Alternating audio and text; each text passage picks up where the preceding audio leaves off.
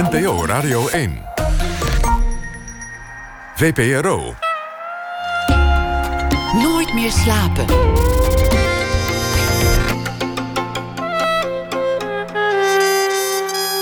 Met Pieter van der Wielen. Goedendag en welkom bij Nooit meer slapen. Een huisgemaakte trailer werd een hit op YouTube en nu draait de film van Tim Smit in de bioscoop. Een mengeling van science fiction, actie, rampenfilm en romantische komedie. Oké, geen romantische komedie, maar wel elementen van de game-industrie. Zometeen is hij uh, te gast om te praten over zijn nieuwe film. Don Duins die schrijft deze week elke nacht een verhaal bij de afgelopen dag. En dat zal hij zo meteen voordragen. En dan ook aandacht na ene voor een postuum uitgebrachte roman van Gerrit Komrij. We beginnen komend uur met Bernice Notenboom, poolreiziger, beroepsavonturier en klimaatjournalist. Als eerste Nederlandse vrouw bereikte ze ooit de Noord- of de Zuidpool op skis. En als eerste persoon ter wereld probeerde ze in 2014 op skis van de Noordpool naar Canada te gaan. Maar dat uh, heeft ze net niet gered. Dit voorjaar nam ze topmensen van het bedrijfsleven mee naar Arktisch gebied om aandacht te vragen voor de gevolgen van klimaatverandering. Two Degrees heette die expeditie. Bernice Notenboom werd geboren in 1962 en ze woont, als ze thuis is, het grootste deel van het jaar in Canada. Bernice Notenboom, welkom. Hmm, ja. Wat betekent dat eigenlijk voor je thuis? Ja, nou, thuis is overal wel een beetje voor mij. In Canada is thuis. Daar heb ik een huis. Daar staan, daar staan mijn spullen. Maar daar heb je een huis, daar, staan je spullen. Dat klinkt nog niet echt als thuis. Ja, ik zit daar een beetje anders in, denk ik. Ik ben, niet, uh, ik ben al heel lang weg uit Nederland. Dus die, uh, ik, heb natuurlijk, ik vind het heerlijk om in Nederland te zijn. Ik ken de cultuur, ik spreek de taal. Niemand vraagt aan mij, where are you from? Want je hebt altijd een accent in, het Amerikaans, ook al woon je er heel lang. Um, maar toch is, voel ik me ook net zo thuis in Canada. Ik voel me thuis in, uh, in die prachtige natuur van British Columbia waar ik woon. Het is echt gewoon zo machtig en zo ongerep. En ja, daar moet je je nog zorgen maken als je een paar uurtjes gaat fietsen... dat je dan geen beren tegenkomt. Of hè, dat je iemand laat weten dat je, dat je echt even op pad bent. Dat moet je in Nederland, kun je dat helemaal niet voorstellen. Dat is ook wel een vrij koudelijk gebied, hè? Een skioord. Ja, uh, ja in, de, in de winter heel koud. In de zomer niet. In de zomer is het is een landklimaat, dus 30, 32 graden in de zomer. En um, in de winter ja, heel koud. Ja. Maar wat betekent thuiskomen? Want, want ben jij iemand die als hij terug is van de Noordpool denkt: hé, hey, ik ben thuis? Gelukkig maar. Mm, nee. Uh, hangt een beetje van de, van de expeditie af. Hoe zwaar. Of als het, als het mentaal, lichamelijk heel erg uh, afzien is, ja, dan wil ik naar huis. En dan, dan denk ik. Dan wil ik eigenlijk gewoon in een warm bad liggen. En dan wil ik uh, andere kleren aan. schone onderbroek. en um, en dan wil ik ook heel veel salades eten. Maar dat hoeft niet per se in Canada. Dat kan ook in Nederland. Of dat kan ook ergens anders zijn. Dan mis je gewoon comfort. Niet zozeer, niet zozeer een, een, een, huis of een thuis of een plek. Precies. Maar ik, ik, ik heb een fantastisch mooie plek in Canada. Um, bij mij ruikt het altijd alsof het kerstmis is. Dat is heerlijk. We hebben van die fantastisch mooie ciderbomen in de tuin. En, um, en ik hoor het water en de lucht is... Uh, ja, heel helder. En, en uh, ja, s'avonds koelt het af en overdag is het lekker warm. Ja, ik bedoel, dat, dat vind ik wel heerlijk hoor. En dan als ik eenmaal in Canada ben, want het is ook nog wel een onderneming om uit te komen waar ik woon. Ik woon 3,5 uur rijden van het vliegveld. dus ik moet eerst ook naar Calgary vliegen. En dan vlieg ik altijd over de Groenlandse ijskap. Dus de vlucht is al bijzonder. Je vliegt echt helemaal over het noordelijke puntje van de wereld. Net niet over de Noordpool, maar wel de Groenlandse ijskap... en dan zo een beetje Hudson Bay... en dan zo een beetje naar de bewoonde wereld in Canada. En dat vind ik al een enorme ervaring, gewoon die vliegreis. En dan, uh, dat is acht, negen uur, soms tien uur vliegen. Afhankelijk van de wind. En dan, dan is het nog drieënhalf uur rijden. Dus ik moet heel veel voor doen om thuis te komen. Je, je zei iets van dat warme bad, dat kon ik me voorstellen. Je komt van de Noordpool tenslotte en dan verlang je naar een warm bad... en dat heb je daar niet. Maar zei, dan wil ik ook wel een schone onderbroek aan. Ja, dat, ja ik, ik, ik huiver bijna om er naar te vragen. Maar loop je dan zo'n hele expeditie in dezelfde onderbroek? Uh, nou, je hebt er drie bij. Uh, en, uh, ja, dat, hoe lang duurt zo'n expeditie? Nou, dat hangt er vanaf waar je naartoe gaat. Soms, soms 60 dagen, soms 80 dagen, soms 20 dagen, 30 dagen. Het is een beetje afhankelijk van je ambitie. Maar um, ik heb geleerd dat je niet te veel moet nadenken over je kleren. Want het heeft geen zin om iedere dag een schone onderbroek aan te doen. Dan, dan zou je te zwaar bepakt zijn om, om die reis te nou, kunnen dat maken. niet alleen, maar dan ga je gewoon ergeren. Want er, het is beter om gewoon je kleren aan te hebben en ze niet meer uit te doen. Dat geldt voor sokken, dat geldt, dat geldt voor je, voor je t-shirt, voor je, voor je skibroek, voor alles eigenlijk. En dat is het allermakkelijkste om er gewoon niet te veel over na te denken. En gewoon iedere dag. Je, je kan ook jaren niet wassen, 30, 40 dagen. Je kan je überhaupt niet wassen. Dus het is gewoon zoals het is. En daar hoort alles bij. Dus om dan iets halverwege te gaan verwisselen, dat past niet zo in poolreizen. Je moet eigenlijk alle verworven g- gradaties van hygiëne en comfort volledig achter je laten. Ja, maar je moet wel oppassen, want je lijf kan zichzelf gaan, eh, aan, gaan tackelen. Dus je kunt je, je eigen infecties en je eigen bacteriën gaan oproepen, waardoor je jezelf ziek kan maken. Dus je moet wel oppassen dat je enige vorm van hygiëne blijft behouden. En, en, en ja, het, het allerslimste, makkelijkste is gewoon om je om helemaal naakt in de sneeuw te rollen. Maar ja, dat is ook weer zo lastig. Als het 41 graden onder nul is, dan wil je dat ook weer niet doen. Maar dat is wel het beste. Qua hygiëne zou dat op zich het handigste zijn. Waar het niet dat het zo ver- verdomde koud is op de, op de Noordpool. Oh, ja, vooral dit jaar. Dan 41 graden onder nul noem je. Is, is dat een, een gangbare temperatuur? Nee, we hebben dit jaar op deze expeditie behoorlijk veel kou gehad. Dat hebben we nooit gehad. Ik, ik kan het me niet herinneren. We hebben het daar echt eh, heel vaak over gehad met elkaar.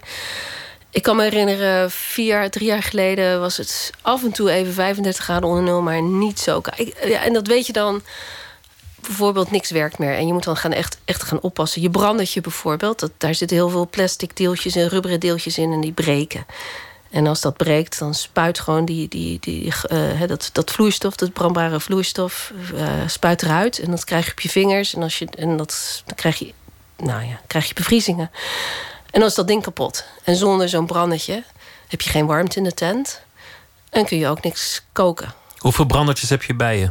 Nou, we, hebben maar, wel, we hadden twee brandetjes bij ons, maar heel veel reserve eh, deeltjes. Dus je goed, kon elk brandertje opnieuw maken. Maar er, er komt een moment dat je zoveel brandertjes kapot hebt dat, dat je naar huis moet. Precies. En toevallig is dat nou net een andere expeditie overkomen. Dus wij, eh, wij, wij begonnen eh, eind maart. En een paar weken daarvoor was er een andere expeditie. En die hadden het nog kouder, maar die waren een ander gedeelte van het Noordpoolgebied bij Canada. En die hadden 47, nee, 57 graden onder nul. De koudste dag ooit gemeten dat jaar in Canada. Maar ja, goed, je hebt toch een beetje zo expeditie eh, hè, koorts. Je wil beginnen, je wil aan de slag. En die konden ook niet wachten. En dat is hen overkomen. Ze hebben die brandetjes aan de praat, niet aan de praat gekregen... omdat alles knapte, kapot ging. En vervolgens zaten ze daar. En ze hadden geen reservedeeltjes meer. Ze moesten geëvacueerd worden. Omdat ze gewoon alle vingers al waren bevroren. Maar dat is best een, een, een, een lullige manier om je expeditie te eindigen. Zoveel weken, maanden voorbereiden en dan op zoiets nou, toch relatief onnozels als een brandertje dat moeten afbreken. Ja, Je kunt je grotere incidenten voorstellen waarvoor je een, een reis afbreekt. Maar een, een brandertje, dat hoop je toch, denk ik, te voorkomen. Nou, dat zie je goed in. En dat, hebben we, dat verzonnen wij ook van. Nou, dat gaat ons niet gebeuren. Want wij wisten dus dat hij. En dat niet alleen. Er zijn nu geen piloten meer die jou eh, van de Canadese kust naar de Noordpool vliegen. Die zijn er gewoon niet meer. De, de piloten die dat konden doen, zijn bijna allemaal met pensioen. Want je hebt echt specifieke ervaring nodig. Je moet landen op het ijs en weer kunnen vertrekken van het ijs. Dus je kleine vliegtuigje heeft skis. Nou, dat is echt een, een, vaardigheid die heeft niet iedereen. Dus hij had er eentje gevonden. En eh, die moest dus zes weken lang ehm, paraat staan voor deze groep. Uh, en ieder moment als er dus iets gebeurde, moest hij dus komen, ze ophalen en, en weer wegbrengen. Dus enorm veel geld voor moeten betalen. Dus het was al een. Uh, iedereen had zoiets van: wauw, hoe heeft hij dat kunnen regelen? En dan na twee dagen is dit gebeurd. Dus wij hoorden dit en wij dachten: dit overkomt ons niet. Dus wij, hebben, wij zijn opgehouden. We hebben gelijk onze brandertjes. Um, uh, nou, we hebben het onder onze oksels gestopt. Dat is de warmste plek van het lijf. Dus we hebben het warm gemaakt. We zijn gewoon in onze slaapzakken gaan zitten. We hebben een nacht doorgebracht. En de volgende ochtend werkte alles. Dus dat, zo kun je het ook oplossen. Als je daar dan komt, hè, je, je, je, je, je reist in etappes naar, naar zo'n plek toe. Is dat een vorm van thuiskomen? Als je in een extreem gebied komt, denk je dan... ah, yeah, ik ben er weer? Ja, op de Noordpool wel. Absoluut. Ondanks dat het er zo extreem koud is. Dat vind je fijn? Ja, het is zo mooi. En misschien is dat het wel. Het, omdat het zo... een niet welkome omgeving is... waar je, zo alert moet zijn en zo moet oppassen. Eén foutje en je bent er geweest, letterlijk, het kan echt je leven kosten. Bijvoorbeeld, uh, je zet je tent op en als je die, uh, als je die tentstok loslaat en er staat een wind en die waait weg, ja, dan kan je daar niet overleven. En dat wat ik, waar we het net over hadden met die brandertjes, dus, is heel elementair. Ik bedoel, het gaat echt om. Je moet de allerbeste overlevingstechnieken hebben. En dat vind ik heel spannend. Dus dat in, in die zin vind ik het wel een beetje thuiskomen, omdat je al je zintuigen zijn op scherp. Alles. Je, je kunt je geen fout permitteren. Nee, nul. Nee. Hoe klein kan een fout zijn? Ik vind een brandertje al een vrij kleine fout. Een tentharing vind ik ook een relatief kleine fout. Te diep ademhalen, kan dat al een fatale fout zijn? Nee, maar wat wij, waar wij wel heel snel uh, in de probleem kwamen. We hebben wetenschap gedaan. Dus wij moesten iedere dag uh, zo'n 50 metingen doen voor uh, sneeuwmetingen. Dus we moesten een lawinezone in elkaar zetten, zeg maar. Ja, dat ging eigenlijk wel relatief makkelijk. Maar dan moest je GPS-coördinaten opschrijven in een klein boekje, notitieboekje met een potlood. Ja, en eerst denk je, oh, ik doe even mijn handschoen uit. En dan is het 41 galon 0. Je doet niet zomaar je handschoen uit en gaat schrijven. Dat, dat is, weer je gelijk op gestraft. Dus uh, wij merkten wel, uh, uh, na de eerste twee dagen gingen we dat doen. Van, nou, dat kan wel eventjes twee minuten onze handschoen uit. Maar dan zit je s'avonds in de tent en dan voel je dus dat je bevriezen, je vingers zijn bevroren. En dan uh, moet je echt, ja, dat, dat kan je de derde dag dus niet meer doen. Dus moet je leren schrijven met een handschoen aan. Dus, dus de fouten zijn vaak menselijk. Je denkt, ja, je doet gewoon dingen omdat je er niet over nadenkt. Weet je, zo, zo, zo slepen, of zo, zo gebeuren fouten. En uh, je kan niet op alles echt voorbereid zijn. Um, is ons niet overkomen, maar andere expeditie heeft uh, ijsbeer gezien. En um, ja, ook van heel dichtbij, 15 meter afstand. Je hebt een geweer in je slee liggen. Je hebt uh, wat we noemen bearbangers. Dat zijn van die uh, vuurpijlen die je af moet schieten... waardoor een beer zeg maar letterlijk ervan uh, ja, eigenlijk zodanig schrikt. Van, de, van enerzijds het geluid, maar ook van gewoon de lucht van de, van de vuurpijl. Dat hij wegloopt of wegrent. Maar deze ijsberen waren heel agressief. En die kwamen echt op de slees af, van de, sledes af van, van de expeditieleden omdat we denken dat, omdat wij denken dat de ijsberen dachten dat het zeehonden waren. Het zag, het zag er zo uit. En, um, ze hadden gewoon honger. Ze hadden hartstikke honger. Ja.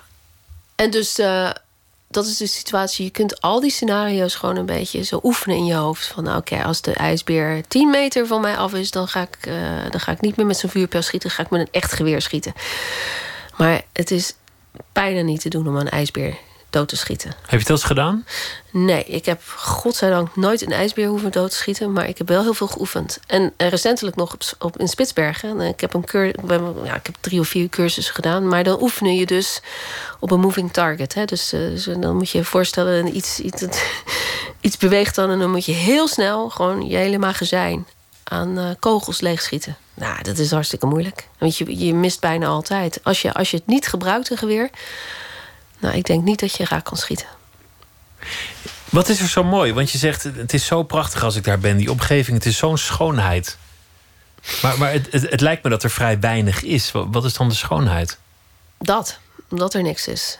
de leegte? De leegte. Wat, wat uh, zie je dan? Wit? Ja, wit, maar verschillende kleuren wit. Uh, er is sneeuw, er is ijs. Er is soms water. Er is ijsbrokken, het beweegt. Um, het is een, uh, er is het is helemaal vreemd van welke vorm van geluid dan ook. Er zijn geen vliegtuigen over je hoofd. Um, je hoort geen kerktorens, er is geen kustlijn. Even dus gewoon alles wat ons bekend is. Geur, is dat er met 41 graden onder nul? Nee, nul. Helemaal niks? Nee. nee, dat is wel fijn, want die ene onderbroek dan... Die ruik je ook niet meer? Nee, nee, alle geur is weg. Ja, alle, bacteriën, alle bacteriën zijn weg, alle verkoudheden zijn weg, alles. Er is niks. Maar er is ook geen tederheid. Nee, er is geen tederheid. En, uh, maar dat hoeft toch niet. Die, die tederheid heb je door het persoonlijk te maken, door met, met je expeditieleden te zijn. Dat is wel zoiets. Je, zin, je, je, je wordt extra gevoelig, extra emotioneel. Er is, uh, er is wel eens onderzoek naar gedaan dat juist in dat soort gebieden met oude poolreizigers, dat die mensen heel erg uh, mooi kunnen praten over verlangens en, en, en nostalgisch worden en, romantisch bijna worden. En dat het prachtige poëzie geeft. Mooie verhalen. Dus uh, dat heeft ook weer een voordeel. Waar denk je aan? Want, want je bent op een zeker ogenblik wel uitgepraat met je, met je teamgenoten, als die er zijn. Je hebt ook, je hebt ook expedities nagenoeg alleen ondernomen. Lang, lange tijd lang een tocht in je eentje bijvoorbeeld, of, of, of een lange reis. Wat gebeurt er dan in je hoofd als je zo lang in extreme omstandigheden alleen bent? Je bent.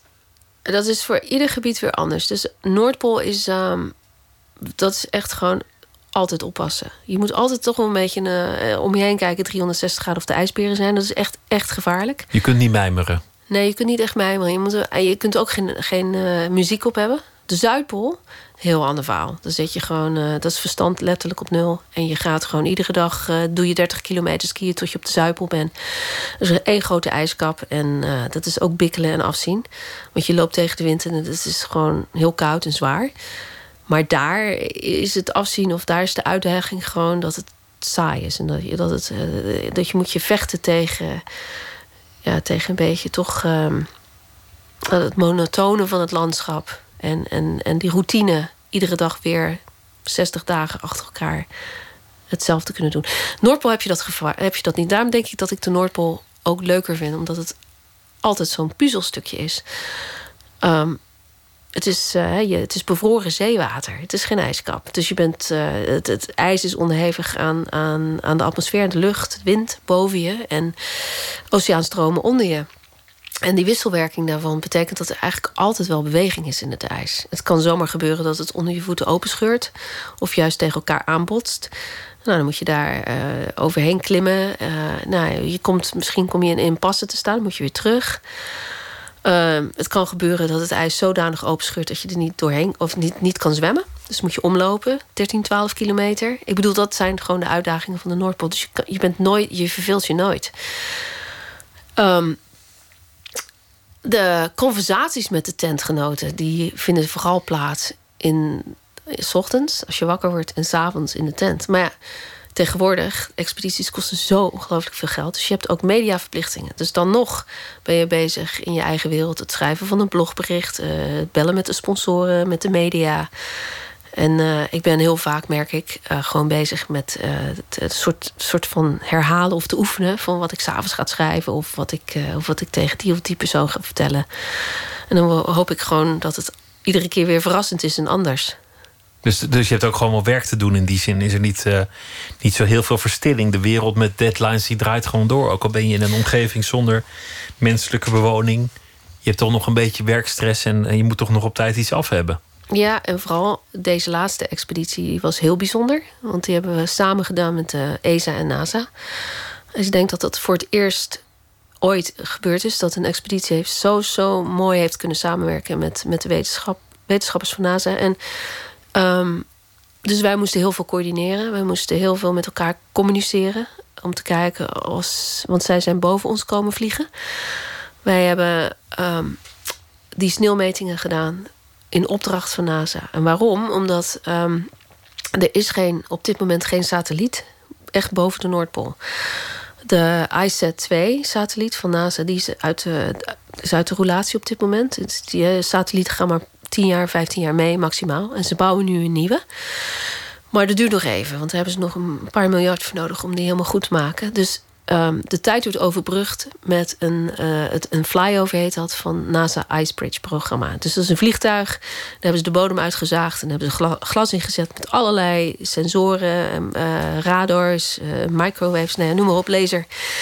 En die gaat over dat gedeelte van het Arctische gebied heen. En die meten dus van alles en nog wat. Dus, dus temperatuur, sneeuw, ijsdikte, omvang. Nou, nog, nog een paar variabelen wat je niet kan zien vanuit de ruimte is dus hoeveel sneeuw er op het ijs ligt. Je ziet, je ziet wat wit is en je ziet wat vloeistof is. Maar je weet dus niet hoeveel sneeuw er nou op het ijs ligt. En dat is heel belangrijk omdat sneeuw het ijs isoleert. Dus als een hele hoop sneeuw op het ijs ligt, betekent dat het ijs eronder niet kan groeien. Vooral niet in de winter.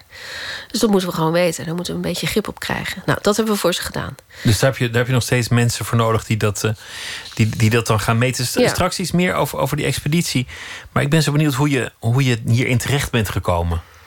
hoe, het zo is gekomen dat je dit werk bent gaan doen. Want, want jou- jouw vader zat gewoon in het bedrijfsleven. Ja, nou ja. ehm, Je hebt zelf ook nog een tijdje iets, iets gestudeerd met bedrijfskunde, geloof ik. Meerdere studies gedaan. ja.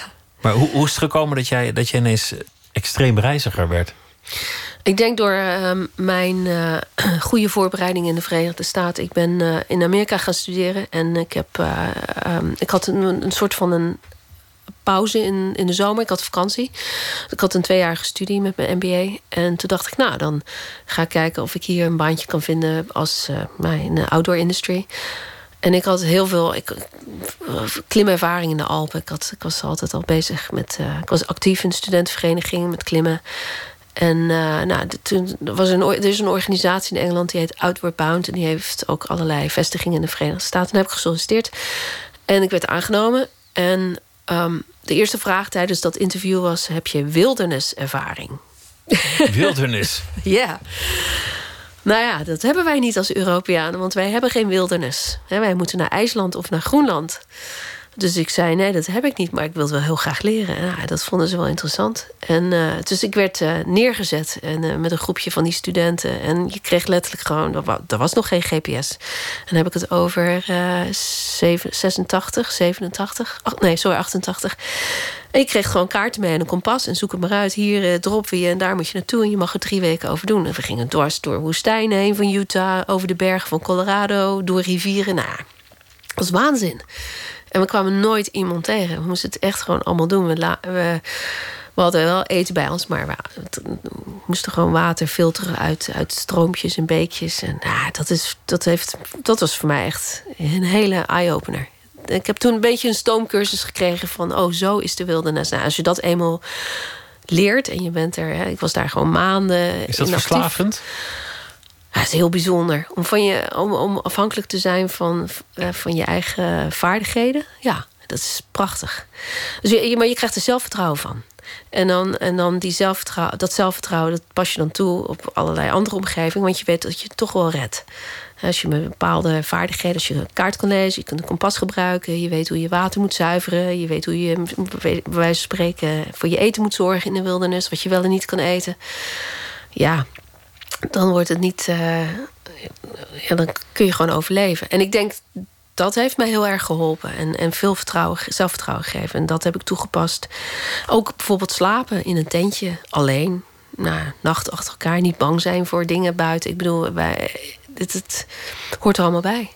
Maar je begint je boek, dat, dat, je, dat je een poosje geleden uh, schreef met dat je ondersteboven hangt in een gletsjer in de, de Himalaya. Ja. En, en, en dat, uh, dat je niet zeker weet of jouw toenmalige geliefde die mee was op reis, of die nog leeft. Je ziet dat de Sherpa die jullie mee heeft genomen al is overleden. En je weet dat als er niet snel iets gebeurt, dat je zelf ook dood zult zijn. Ja. En, en snel, dan bedoel ik minuten. Ja. Een half uur, dat, dat had je al niet overleefd. Op zo'n moment roep je nog naar beneden: Ik hou van jou, ik hoop dat je het redt, of, of iets dergelijks. Of ik ga proberen iets te doen. En eigenlijk zag het er naar uit dat, het, dat dit het was. Dit was dan je leven. Ja. En dan? Ja, dan gaat de ratio uh, in gang gezet worden. Toch weer die ratio? Absoluut. Op dat moment geen emotie? Godzijdank. Dat had je, dat had je niet overleefd, emotie? Nee, emotie is dodelijk. Moet je niet hebben. Dus je reisgenoot is dood. Daar heb je op dat moment geen rouw voor over. Dat kan niet. Ja, maar dan ga ik er ook aan. Als ik niet. Ja, en ik bedoel dan. De, de, de, je moet echt dan gaan zetten. Uh, ja. Um, het grootste gevaar voor ons op dat moment was gewoon dat er nog een lawine naar beneden zou kunnen komen. Nog eentje, want jullie waren door een lawine daarin gekukeld. Precies. Ja, als er één komt, komen er meer. Ik bedoel, dat, is, uh, dat was die hele dag al zo. Het was ook niet de eerste waar uh, wij aan terecht kwamen. Maar goed, uh, dat, dat is het gevaar. Van als er nog of eentje of twee lawines komen. En, en er zijn mensen die naar, naar ons op zoek zijn. Op een gegeven moment houdt het ook op. En dan, dan denken ze dat we, er, dat we het allemaal niet overleefd hebben. Maar goed, het allergrootste probleem was... Wij hingen, of ik hing ons te boven... op 6300 meter... Dus er was al bijna geen zuurstof. En als je dan ondersteboven hangt, dan heb je gewoon, kun je bijna niet ademen. Dus het allerbelangrijkste is om recht overeind te kunnen gaan zitten. En dat, daar heb ik heel hard voor gewerkt om dat te kunnen doen. En toen ik eenmaal recht op kon zitten, zeg maar. Dus in die gletsjerspleet. Toen kon ik ook weer beter nadenken. Dus dat, het, waren babystapjes. Dus eerst dit en dan dat en dan dat. En toen vervolgens ben ik er uh, uit kunnen klimmen. En toen heb je heel hard gegild, wat, wat, wat tamelijk futiel lijkt op, op Mount Everest. Want hoe groot is de kans dat er een voorbijganger is? Maar er werd naar je gezocht en je werd gehoord. Ja. Dat, dat, dat mag een wonder heten, Mhm. denk ik. Wat heeft dat veranderd? Want dit, dit was, nou ja, je was dichter bij de dood dan bij het leven, denk ik, statistisch. En toch ben je doorgegaan met dit leven. Het heeft je niet afgeremd. Nee, er is niets veranderd, want ik kan het ook wel in perspectief plaatsen. Ik denk, um, wij hebben toen behoorlijk veel kritiek gekregen. Wij zijn uh, uh, teruggegaan. We hebben uitgerust. We waren behoorlijk uh, gekneusd. We hadden, we hadden blauwe plekken. We hadden ribben gekneusd. We waren gewoon best wel toegetakeld. Fysiek, maar ook emotioneel. We waren tenslotte ook een collega verloren. Die naast ons stond. Waarom hij en niet wij? We stonden met z'n drie naast elkaar. En zijn schoenen hebben we teruggevonden. En, en wij hebben het overleefd. Dat kun je dan ook nog afvragen. En um, ik weet nog goed dat moment. We lagen bij te komen uh, op uh, 4800 meter. Dat is dan zeeniveau op Everest. En, um, en we kregen heel veel uh, commentaar van... ja, je moet je expeditie afbreken nu. Het is welletjes, weet je wel. Jullie zijn al iemand verloren en nu moet je gewoon Van, van wie kwam dat? Nou, het kwam vanuit Nederland heel veel. Gewoon mensen die onze expeditie volgden. We hadden... We werden toen gefinancierd door het ministerie van Vrom toenmalig. En uh, daar kregen we wat, uh, wat geluiden van. Um, zo van, kom maar naar huis. Het is goed geweest. Maar ja, wij dachten over, ja, jee, hallo. We zijn super getraind. Uh, de kans dat ons dat nog een keer overkomt is heel klein. En als ik nu naar huis ga, ja, wie, wie doe ik er dan een plezier mee? De, de familie van de Sherpa... Maar die Sherpa, dit was juist degene die heel graag wilde dat wij naar de top van Everest gingen. Dus wij hadden meer zoiets van, wij moeten gewoon door hem wel doen. En dan doen we het gewoon uh, voor hem. En um, nou, dat was een hele goede beslissing, vond ik achteraf. En um, ook gewoon dat we hebben, door hebben kunnen zetten. Want ik wist wel, als ik terug zou gaan naar huis, dan zou ik nooit meer de Everest beklimmen. Ik bedoel dat. Het was toen of nooit en anders was het voor niks geweest. En nu heeft het in ieder geval iets gedaan. Ik bedoel, je, je bent er geweest en de, de, de, de missie had in ieder geval een reden. Ja, we hebben een prachtig mooie film gemaakt, Himalaya Alert. Helemaal op, tot, tot op de top. Dus ik bedoel, we hebben daar ook echt gewoon iets moois neergezet. Maar dan weet je sindsdien wel dat dit jouw leven is. Dat je dit met overtuiging doet. Nou, wat ik weet is dus dat ik heel goed voor mezelf kan zorgen. Ook als het slecht gaat. En dat vind ik een hele waardevolle les. Dus als je echt in het nauw gedreven wordt, als je in een situatie terechtkomt, of het nou een verdrinking is of, of, of onder een gletsjerspleet of whatever, dat je op jezelf kan vertrouwen dat je ratio sterk genoeg is, dat je de emotie aan de kant kan schuiven en dat je jezelf kunt redden. Dat is belangrijk. We gaan het straks hebben over uh, planeet Aarde. Want er is van alles uh, aan de hand uh, met en op die planeet. Maar eerst gaan we luisteren naar Overcoats, een duo uit New York. En het nummer heet Cherry Wine.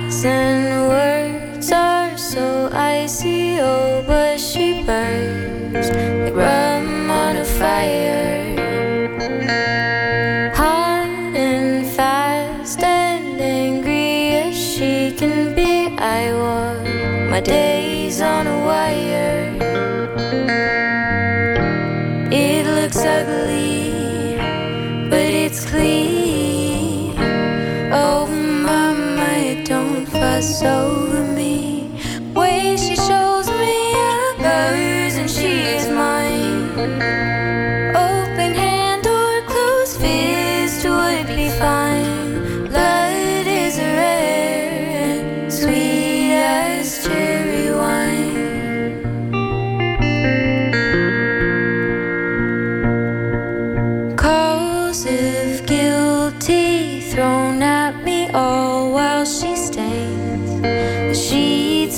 mother thrown in me so powerfully, just like she throws the arm of a brother. But I want it, it's a crime.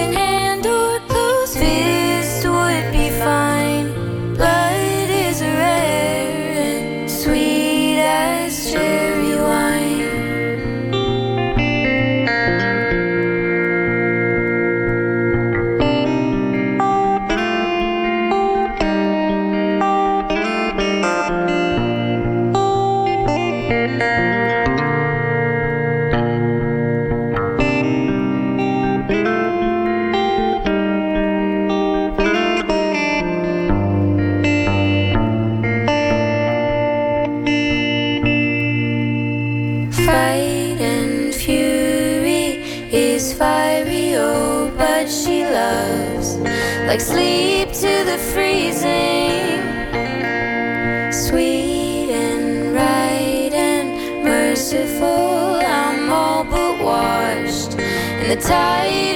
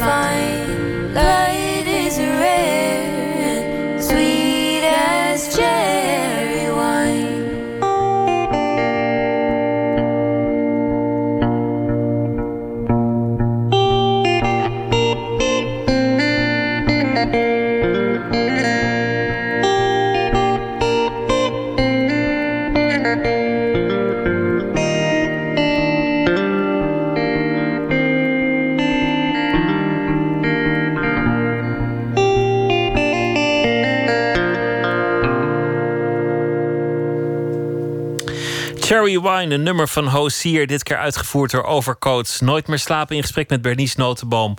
En zij is uh, poolreiziger en eigenlijk avonturier en ook klimaatjournalist.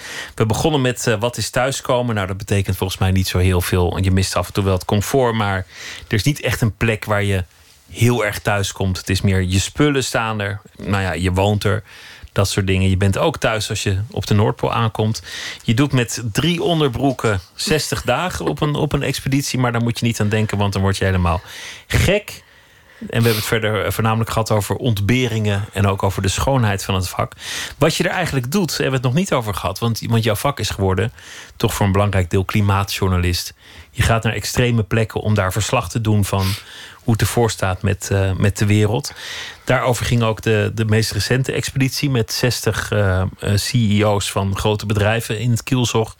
Zijn jullie daar naartoe gegaan? Jullie waren nog niet terug of het eh, grote nieuws eh, was vorige week dat Donald Trump het verdrag van Parijs heeft opgezegd, er niet aan mee gaat doen.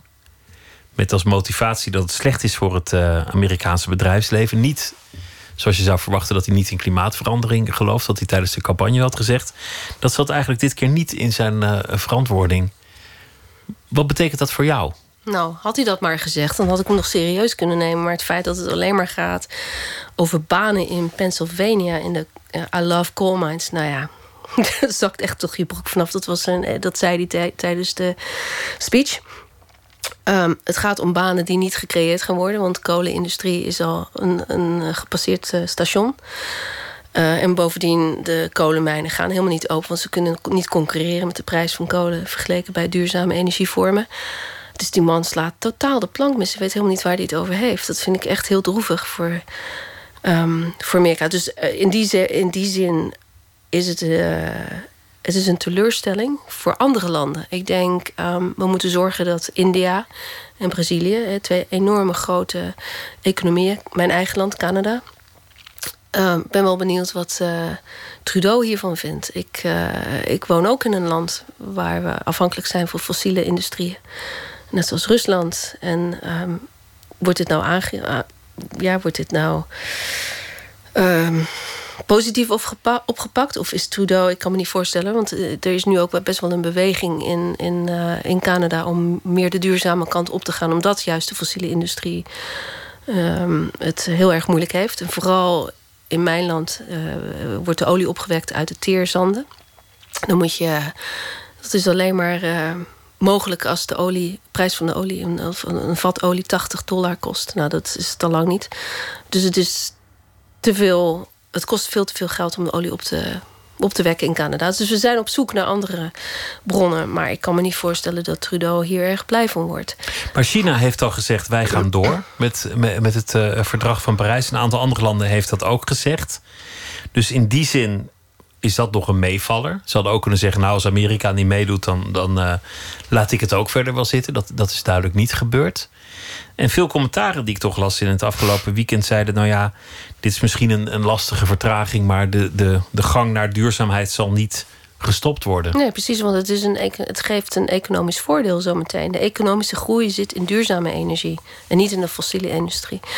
En ik. Uh, trouwens, het klimaatakkoord is gewoon niet bindend. Hè? Ik bedoel, de. de er zat toch al geen sanctie op? Nee. Dus de, de 93 land, 193 landen die het getekend hebben, ja, die komen over vijf jaar nog een keer bij elkaar zo, zo, staat het nu. Uh, er komt nog een, een tussen-IPCC-rapport. En, en dan gaan we weer eens kijken hoe we ervoor staan. Ja, die tijd hebben we helemaal niet. We kunnen niet nog een keer vijf jaar wachten. Want we weten dat we nog maar vier jaar de tijd hebben om onder die anderhalve te blijven. Dus uh, er moet sowieso iets gebeuren. Liever morgen dan, uh, of liever vandaag dan morgen. En um, wat je wel ziet is een enorme reactie. Want ik, wil, ik ben vaak zelf ook in de Verenigde Staten. Ja, dus, Californië is gewoon een eigen land geworden. Die 39 miljoen mensen die daar wonen. Er zijn net zoveel mensen in Californië als in mijn land Canada. Die zijn al bezig met duurzame uh, vormen van energie. Uh, er is een enorme fabriek is er net gebouwd buiten Santa Cruz, buiten San Francisco van Elon Musk, die uh, met waterstof elektriciteit probeert of gaat maken en daar de batterijen voor zijn Tesla's uh, uit, uit gaat uh, vervaardigen. Je ziet enorm veel ontwikkelingen. Uh, zonnepanelen die gemaakt worden uit verf, die je gewoon op de muur kan schilderen. We zijn bezig met geoengineering methodes, die duurzame geoengineering bijvoorbeeld. Maar, maar, moet, je dan, moet je dan al met al niet zeggen dat we eigenlijk toch al weten hoe de toekomst er min of meer uit gaat zien? Namelijk een, een economie die aardig lijkt op onze huidige economie, maar dan grotendeels elektrisch. Hmm. Dat aan de ene kant, die komt er volgens mij toch wel met, met wat invulling hier en daar en wat vertraging al dan niet. En die klimaatverandering die toch ook niet meer terug te draaien is. Die gaat er ook wel gewoon komen. Ja, dat gaat er zeker komen. Dus dat is. Uh, maar we hebben, we hebben en-en nodig. We hebben ook de politiek nodig. We hebben ook de, de regelgeving. En we hebben ook uh, voorbeelden nodig in de politiek die zeggen van we doen met z'n allen mee. Want het kan niet alleen uit het bedrijfsleven uh, gedragen worden. En dat zien we ook in Nederland. Ik bedoel, wij zijn met onze CEO's van Spitsbergen uh, ook door Rutte aangevallen van nou ja, het bedrijfsleven gaat naar Spitsbergen en ga kijken hoe klimaatverandering eruit ziet. Maar doen ze dan ook wat? Hè? Dat was echt een commentaar van Rutte. Nou, in ieder geval kan ik zeggen, ze doen wat. Want ze zijn naar Spitsbergen gegaan en ze hebben een statement gemaakt. En we zien het nog niet echt in, het, in de politiek terugkomen op dit moment. Nu nog niet. Dus... Maar, maar dat, dat, dat was in Amerika het geval. Dat de grote bedrijven Trump, uh, Trumps maatregel verwierpen. In Nederland zijn eigenlijk in naam alle grote bedrijven zeer gecommitteerd aan eh, het bestrijden van klimaatverandering. Op deze missie nam je, nam je 60 CEO's, iets meer zelfs geloof ik. 66. 66 mee naar, uh, op, op expeditie. Om ze uit te leggen wat, wat klimaatverandering is en wat het, wat het inhoudt. Ja, om het te zien. Dat was het doel. Om het te zien met eigen ogen. Ja, precies. Wij hebben ze meegenomen naar een aantal plekken waar klimaatverandering behoorlijk zichtbaar is op Spitsbergen. Vooral dit jaar.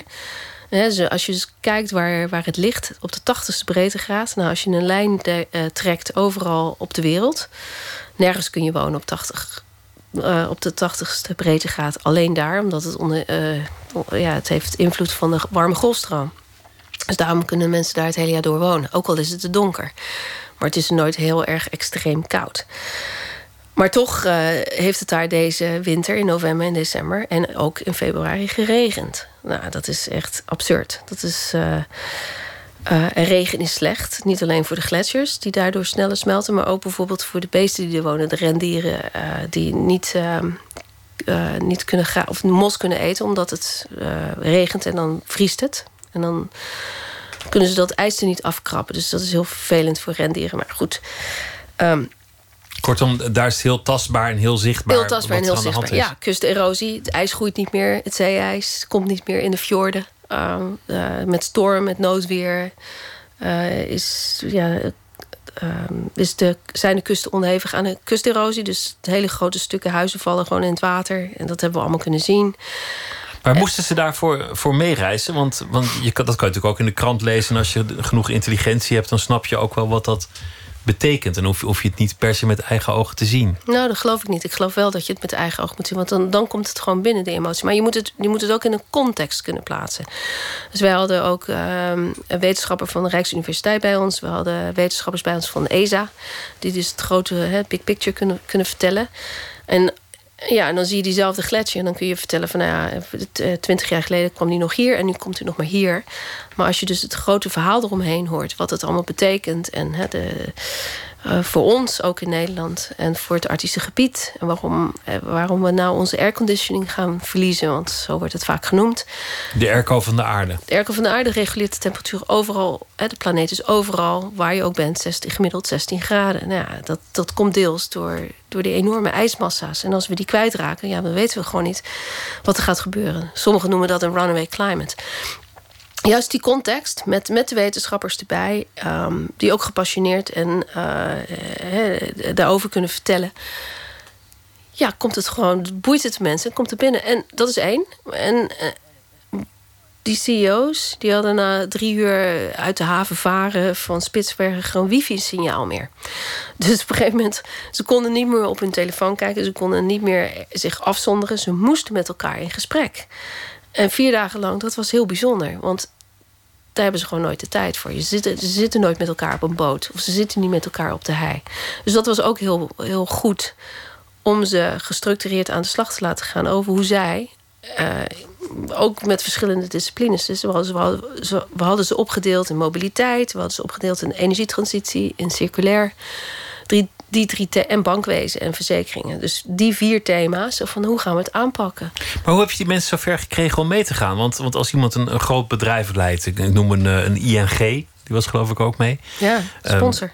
Um, de, zo, zijn, ja, zo zijn er nog meer van die, van die, uh, van die joekels. Mm -hmm. Hoe kan je zo'n man vrijmaken? Lukt mij al niet voor een uur. Hoe kan het dat het jou lukt om ze, om ze gewoon een paar weken aan je te binden?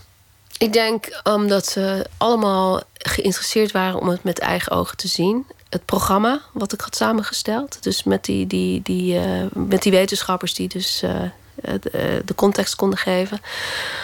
Een heel actief programma. We wilden ze ook van de boot af laten stappen in rubberbootjes plaatsen, met sneeuwschoenen aanwandelen. En uh, we wilden eigenlijk oorspronkelijk een nacht op de gletsjer slapen, maar dat was een beetje gevaarlijk vanwege de ijsberen.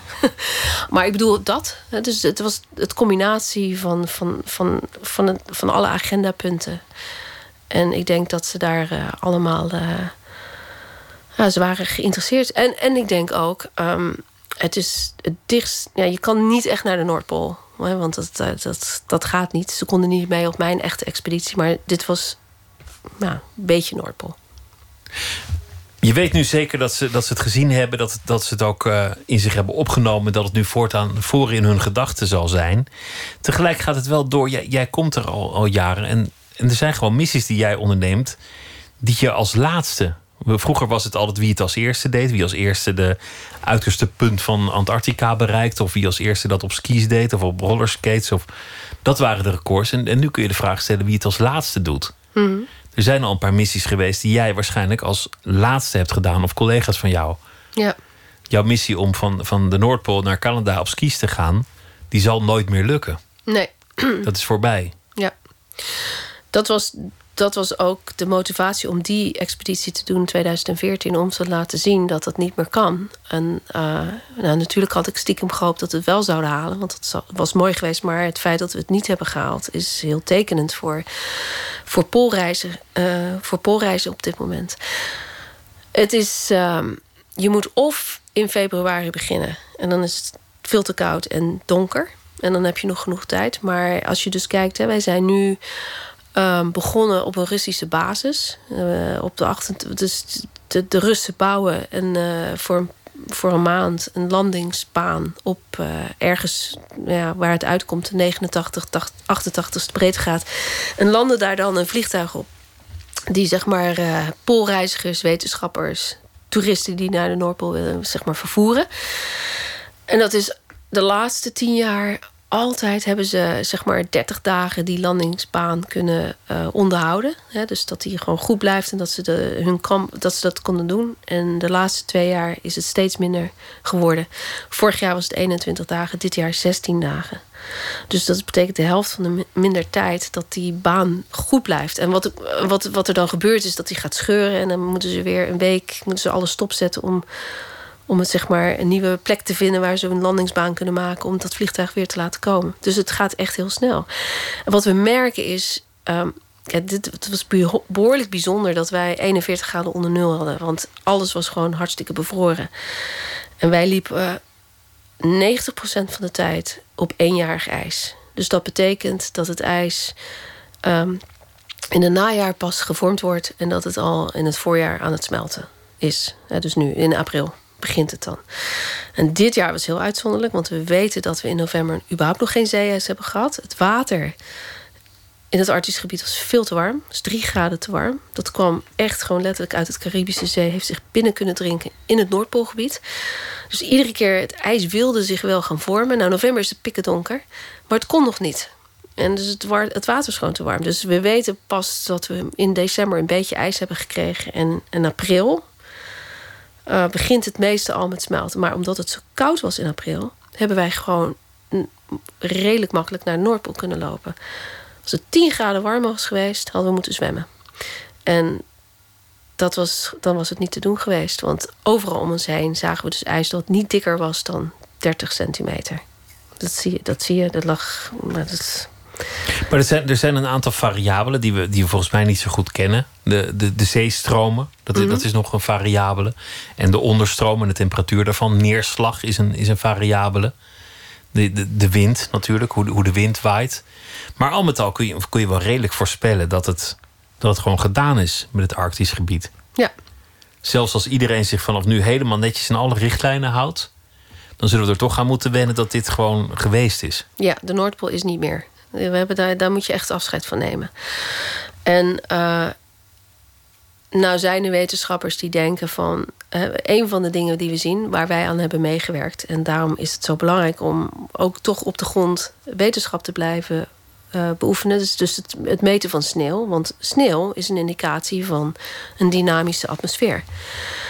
Vroeger, dus tien jaar, nou, heb ik het over tien jaar geleden, toen ik voor het eerst op de Noordpool kwam, had je altijd een hoge luchtdrukgebied. Het was altijd prachtig weer. En koud, s'nachts. En, en overdag uh, een klein beetje een zon. Maar goed, je kon van, van, van, van, van al die dagen dat je was, had je de, misschien, nou, het merendeel, 90% was gewoon prachtig mooi weer en, en, en s'nachts koud. Nu is dat niet meer zo. Nu heb je storm, heel veel storm, veel wind. En het is een glas melk. Het is, je ziet niet. Um, en het is warm. Uh, en het sneeuwt.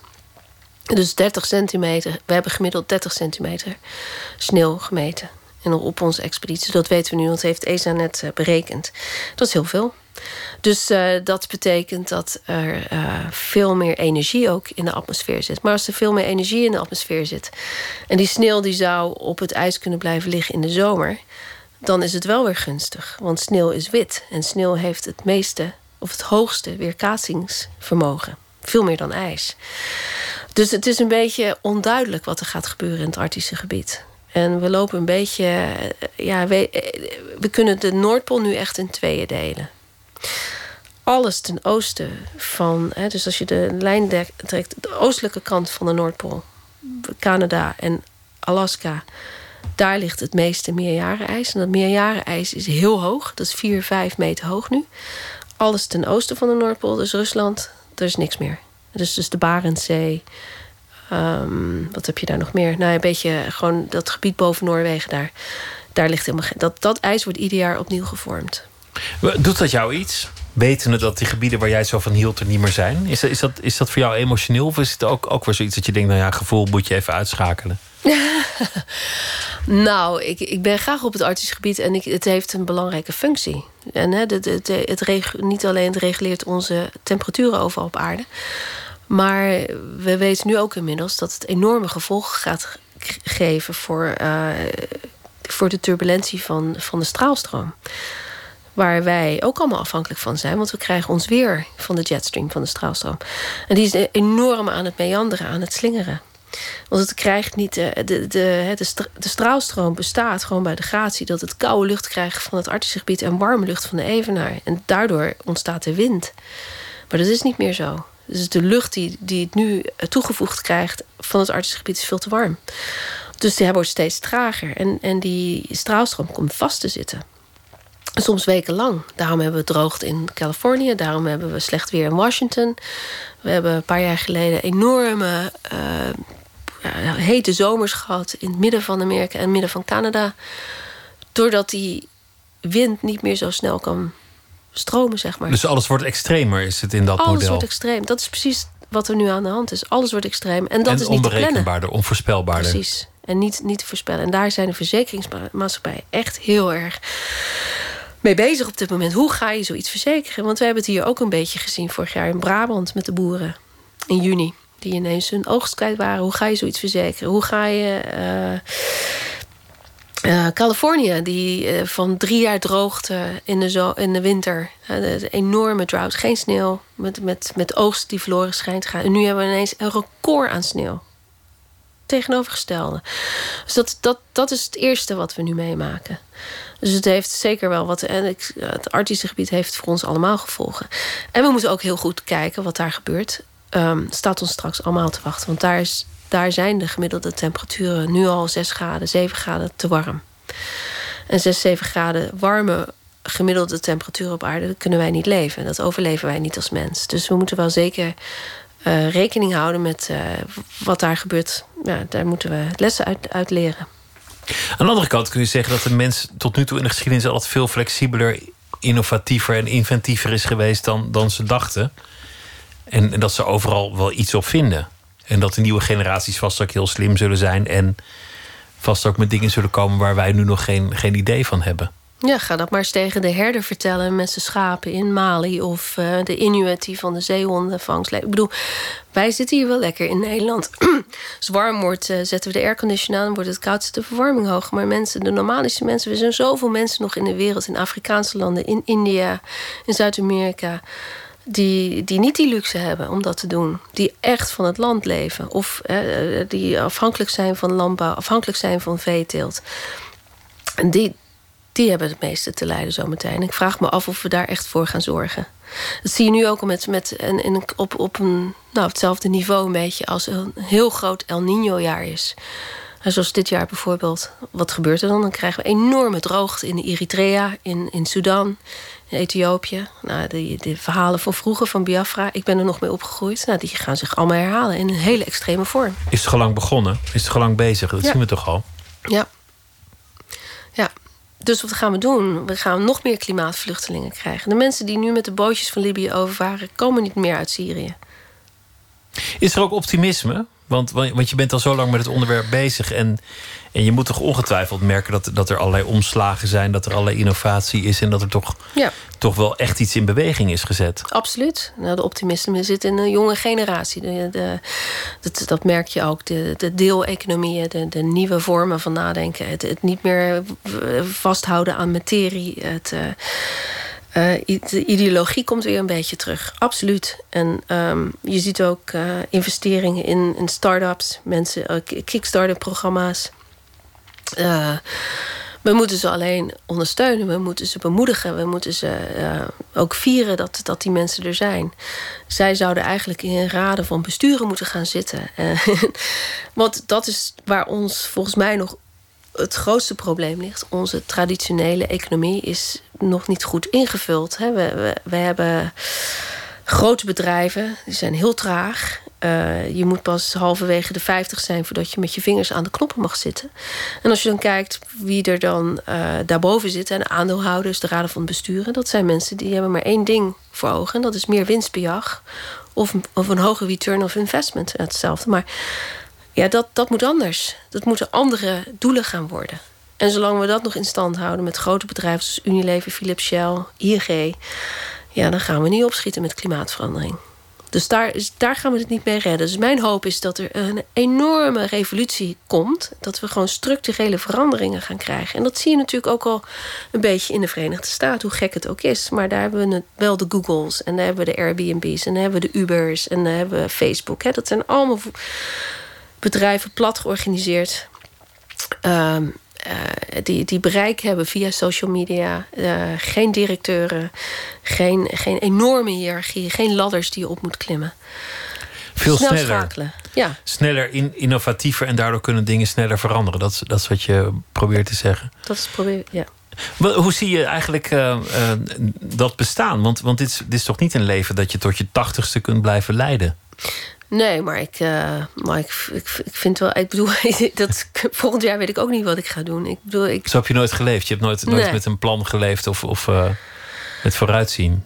Nee, daar hou ik me helemaal niet bezig. Ik hou me ook niet bezig met een eh, AOW. Ik hou me ook niet bezig met, eh, met een pensioen. Dat interesseert me helemaal niet. Ik vind gewoon, ik, leef echt in het moment. Ik vind het interessant om te kijken wat, wat, wat er nu weer leeft. Als ik een, een onderwerp zie waar ik een film over moet gaan maken, ga ik dat doen. En het komt altijd goed. Daar, daar heb ik gewoon vertrouwen. Net zoals ik vertrouwen heb dat ik mezelf uit een benarde situatie kan redden in de wildernis.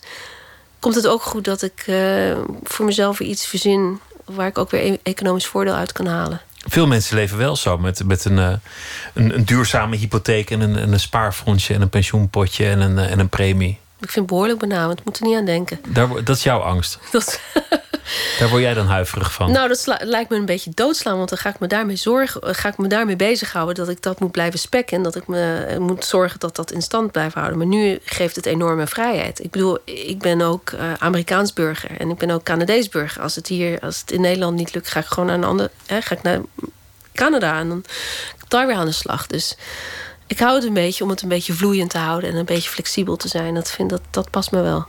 Een bevriende psychiater vroeg je ooit: waar ben je toch voor op de vlucht? Ja, Wat antwoordde je toen? waar ga ik naartoe? Waar vlucht ik naartoe, niet waar vlucht ik vandaan? Precies. Dat is een mooi antwoord. Bernice Notenboom, dank dat je te gast wilde zijn. En heel veel succes met de volgende expeditie en eh, de reis terug naar Canada. Dank je wel. Ja, ook. Zometeen gaan we verder met eh, Nooit Beslapen Twitter, het VPRO NMS. En we zitten ook op Facebook. En u kunt zich abonneren op de podcast via de website van de VPRO. vpro.nl slash Nooit meer slapen.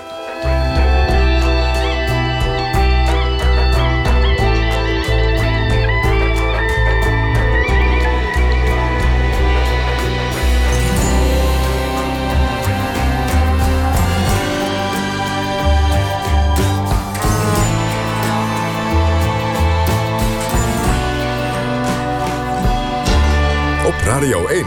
Het nieuws van alle kanten.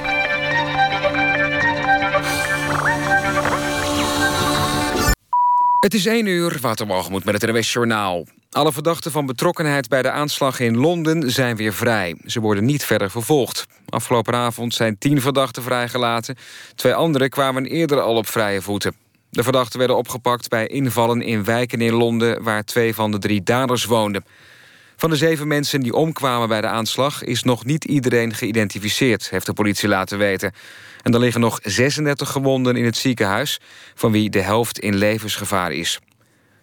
De Britse politie heeft ook de identiteit bekendgemaakt van twee van de drie daders. Het zijn een man van 27, geboren in Pakistan... en een 30-jarige man met een Marokkaans-Libische achtergrond. Meer dan 130 imams uit Groot-Brittannië zeggen dat ze weigeren... om de traditionele islamitische gebeden uit te spreken voor de daders. Uit protest tegen de aanslag willen ze bij hen ook geen rituelen uitvoeren... waar iedere moslim normaal gesproken recht op heeft. De scholen van de meisjes Romy en Savannah hebben opvang geregeld voor hun leerlingen op komende dag. De eerste schooldag nadat de 14-jarige meisjes dood werden teruggevonden. Op zowel Romy's school in de Glint als Savannah's school in Bunschoten is rouwbegeleiding. Afgelopen avond is in Romy's woonplaats Hoevelaken een herdenking gehouden. In Bunschoten was ochtends tijdens een kerkdienst aandacht voor de dood van Savannah.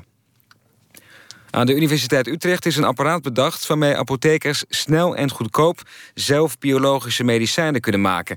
Ze krijgen straks cassettes met daarin enzymen en eiwitten...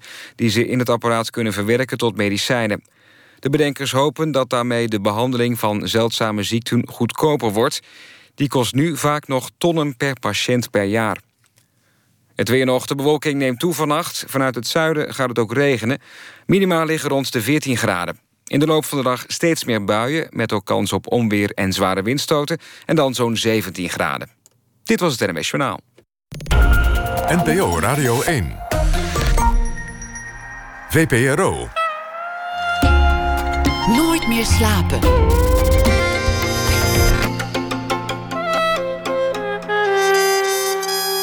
Met Pieter van der Wielen. Zometeen aandacht voor een uh, roman van Gerrit Komrij. De lange oren van Midas. Over een avontuur in Griekenland en de voorgeschiedenis daarvan. Werd destijds uh, door zo'n beetje alle uitgevers afgewezen. Maar uh, 40 jaar later is het dan toch zover. Het boek komt uit. En daarover een gesprek met de biograaf van Komrij, Arie Pos. Een eh, science fiction actie- en rampenfilm van Nederlandse bodem. Kill Switch. De regisseur Tim Smit is hier zometeen te gast. En Don Duins zal een verhaal maken bij de dag die achter ons ligt. Maar eerst het uh, culturele nieuws. Het was vandaag uh, tweede Pinksterdag. En uh, vrijwel niemand weet eigenlijk nog waar dat toe dient, dat Pinksteren. Maar het betekent in ieder geval altijd Pinkpop. En de Kings of Leon hebben zojuist het festival afgesloten. Adse de Vries is popjournalist voor 3 voor 12 van de VPRO. Hij was erbij. Goeienacht, Adse. Goeienacht, goeienacht. Vertel, wat, uh, wat zou je bijblijven van Pinkpop 2017? Nou, in alle eerlijkheid was het toch wel een teleurstellende editie, vond ik. Wat was er zo teleurstellend? Uh, we, hadden, we, hadden die, nou, we hadden die veelbesproken show van Justin Bieber op zaterdag. Uh, daar hadden wij persoonlijk heel veel zin in. Omdat we, uh, ja, we als redactie dachten, maar god, leuk, fris, nieuw, anders, jong. Maar ja, Bieber maakte dat toch, toch echt niet waar. En dat geldt eigenlijk ook voor de headliner van vandaag, Kings of Leon. Die gewoon heel afstandelijk speelde dat Alfa wel vaker heeft gedaan, maar ook in de loop der jaren kennelijk niet echt iets geleerd heeft van hoe je nou zo'n groot veld bespeelt. Dus wel strak spelen, goede liedjes hebben, maar gewoon op de een of andere manier dat toch niet over weten te brengen. Green Day deed dat gisteren wel.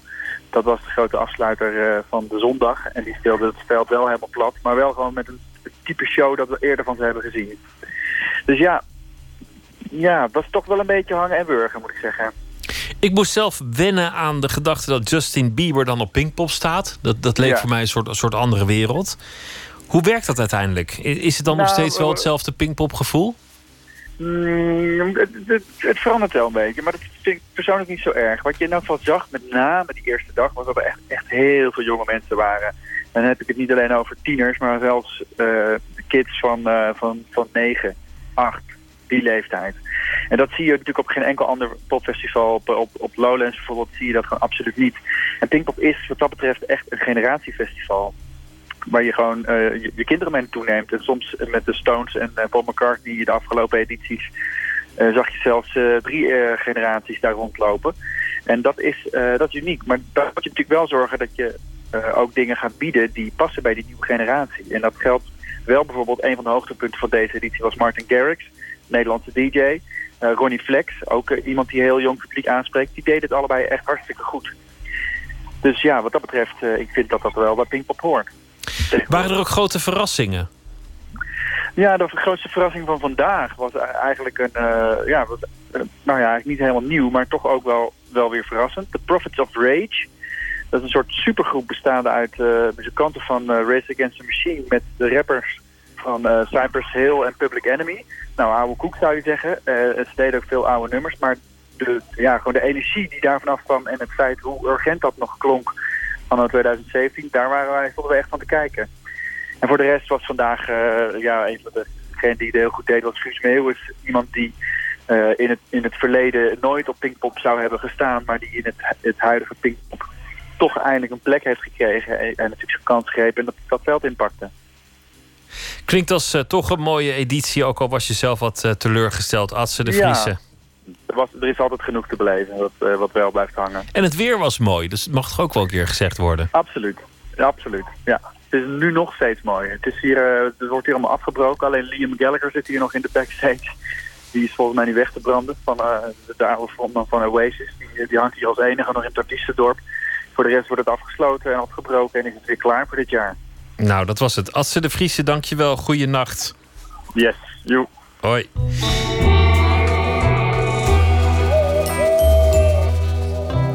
Ook te zien op eh, Pinkpop was de Amsterdamse zanger Midas. En dit nummer heet Caroline.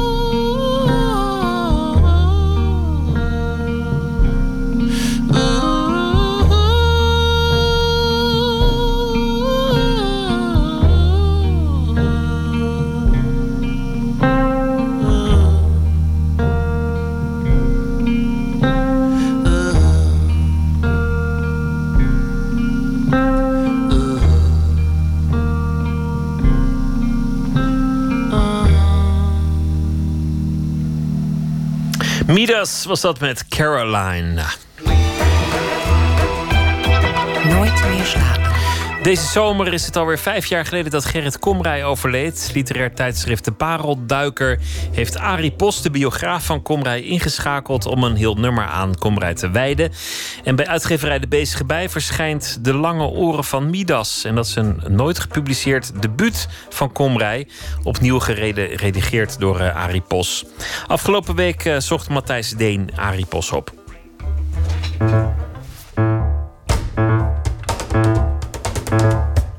De leraar gooit gedachten in je over, als dat geen liefde was.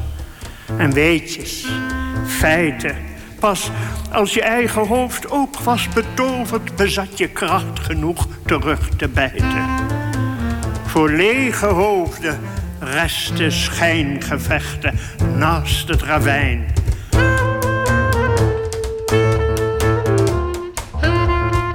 Hij wordt gemist, denk ik, omdat uh, hij uh, op een scherpe manier, uh, laten we zeggen, de discussies en de uiteenlopende meningen die op een bepaald moment leefden, kon beschouwen.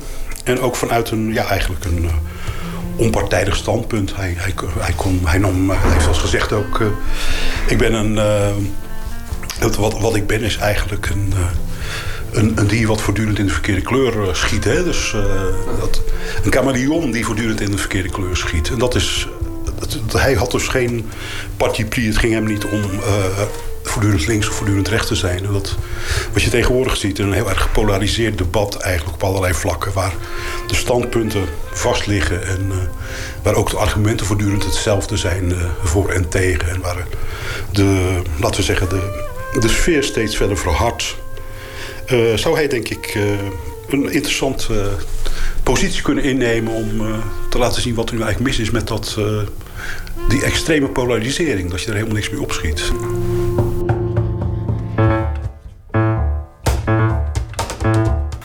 Als we de scholen slopen, groeien uit nieuwe meesters, oude knechten en mensen gaan weer op vier benen lopen.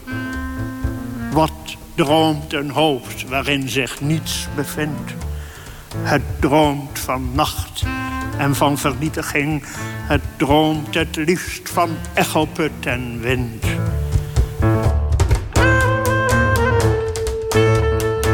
Arie Pos bekommert zich om Komrij. Hij woont in Portugal, ordent daar het nagelaten archief van Komrij. Hij schrijft het verhaal van diens leven, van de geboren achterhoeker die Winterswijk ontvluchtte en een van de best hoorbare en karakteristieke literaire stemmen werd van de tweede helft van de 20e eeuw. En hij heeft zich ook ontfermd over de lange oren van Midas, de roman die Komrij in 1965 op Kreta schreef, maar die nooit het licht zag, zeer tot Komrijs tevredenheid achteraf overigens. Binnenkort verschijnt hij alsnog. Um, wat, wat moet een lezer van nu met, uh, met zo'n boek wat uh, in 1965 geschreven is?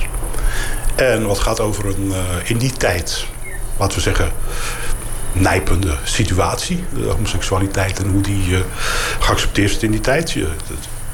In die tijd werd je nog opgepakt als je openlijk homoseksueel was. En uh, je moest 21 zijn om, om een relatie te hebben met, met iemand waar je mee buiten de deur kon komen. Dat is een totaal andere situatie dan nu. Maar aan de andere kant is dat in het, in het verhaal van wie Gerrit Komrij is en was... is het een heel belangrijke factor in het geheel. Hij komt dus uit Winterswijk. Hij gaat naar Amsterdam en hij denkt in Amsterdam, daar, eh, daar kom ik in de pool van, uh, van verderf. Daar uh, kom ik de, de, de, de, leuke mooie jongens tegen. Prachtige efeben die in een gondel over de Amstel varen... en mij met pluimen in korte broekjes toewuiven en zo. Ja, dat was het. De gay parade was het nog niet. En verder was het ook allemaal een soort subcultuur eigenlijk. de nichterbars en dat soort dingen. Daar verkeek hij zich in het begin ook op. Hij dacht van nou, ik stap daar gewoon op af. Maar dat bleek uh, na een half jaar. Uh, was er iemand die tegen zei: Nee, neem Gerrit. Dat zijn die dingen met die luikjes. Uh, waar, die, waar die portieren aan de deur zijn. Waar je niet zomaar naar binnen mag. En toen hij dat eenmaal door had. Toen kwam hij dus in nichttenten terecht. Dat was ook weer niet wat hij zocht. Dat, dan kwam hij daar dus allerlei kantoorpikken tegen. In, in krijtstreeppakken. Maar geen kunstenaars, geen artiesten, geen mooie jonge jongens.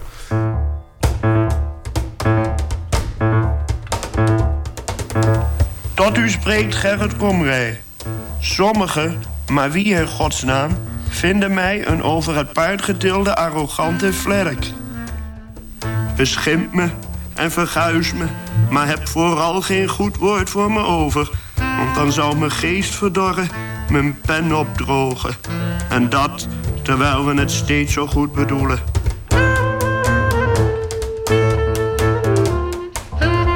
Hij over kunst schrijft en over uh, schrijvers die, uh, nou, bijvoorbeeld uit de late 19e eeuw in Engeland, de Victoriaanse periode, dat die eigenlijk een, een je zou kunnen zeggen, een soort gesloten club uh, vormden.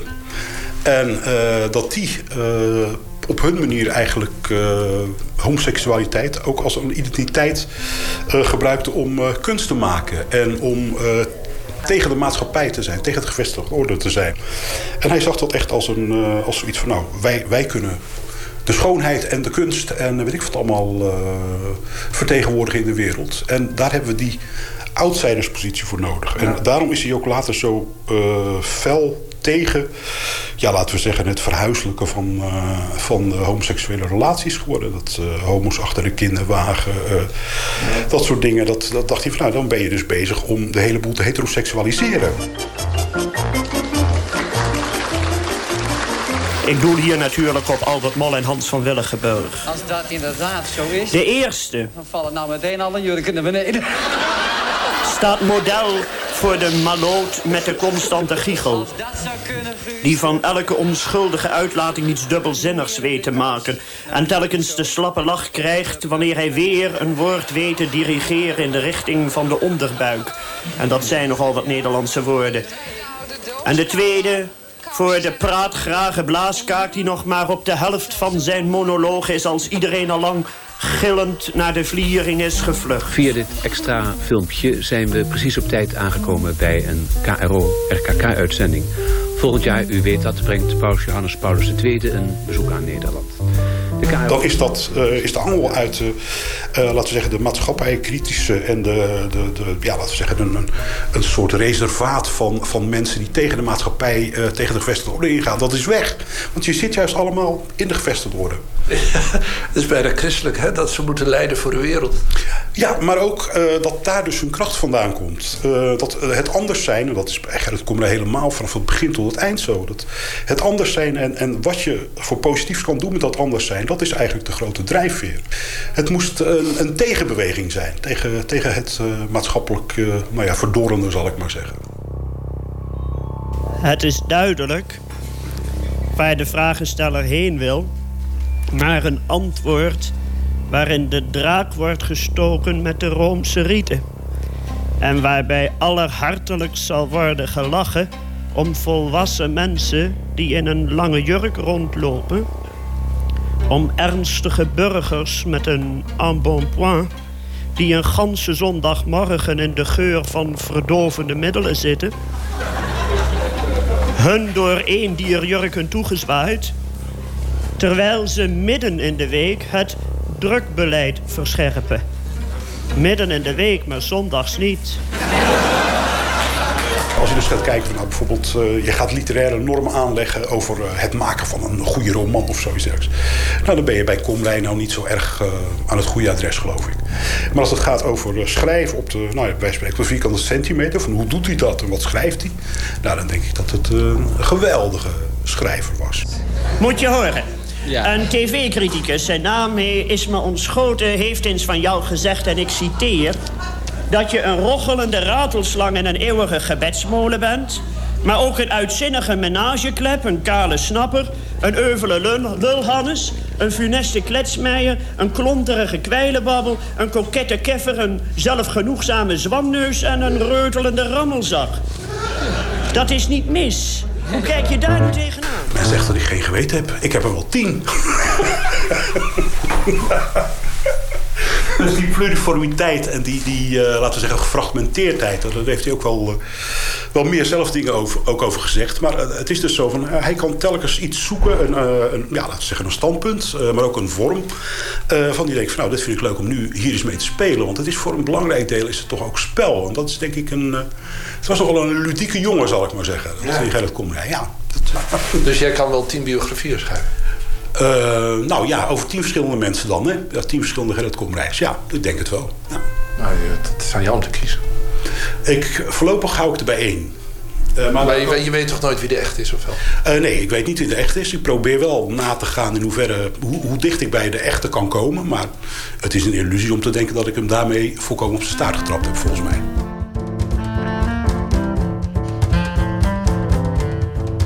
De documentaire De Gelukkige Schiet Zo, in 2012 uitgezonden in het Uur van de Wolf, leek het alsof Komrij even een kijkje gaf in de enige echte. Maar het was een veelzeggend inkijkje. Namelijk in een verdwijnpunt eigenlijk. Maar ik moest toch al snel tot de conclusie komen dat er voor mij niks anders op zat dan uh, in gefingeerde levens te leven en te dromen van andermans leven. Eén eh, ding stond daarbij altijd vast. Degene die ik niet wilde zijn was die ik was. Het is niet alleen een... Uh, als een soort rollende steen op de vlucht voor jezelf... maar het is ook een vlucht voor, het, uh, voor, uh, voor wat ik dan filosofisch maar het niks zal noemen. Hè?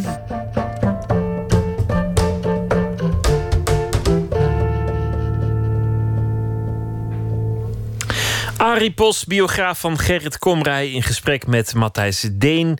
Het uh, speciale Komrij-nummer van de Parelduiker is reeds verschenen... en het boek De Lange Oren van Midas staat te verschijnen bij De Bezige Bij. Mr. Jukes zou u kunnen kennen als Jack Stedman. En dat is de zanger van de band Bombay Bicycle Club. Binnenkort komt hij met een eh, plaat waarop hij zal samenwerken met uh, grote gastenartiesten. Deze bijvoorbeeld samen met Charles Bradley, soul-legende. En het nummer heet Grant Green.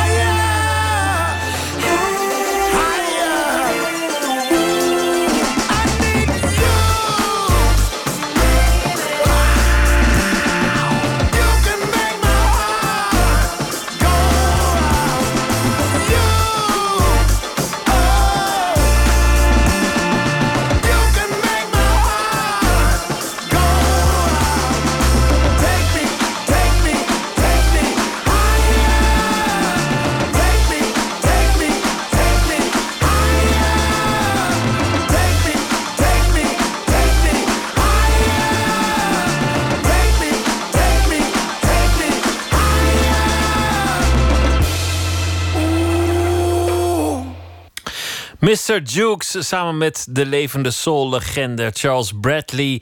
En het nummer werd uh, mede geïnspireerd door een uh, nummer van de jazzgitarist Grant Green. En kreeg daarom ook de titel Grant Green. Open kaart.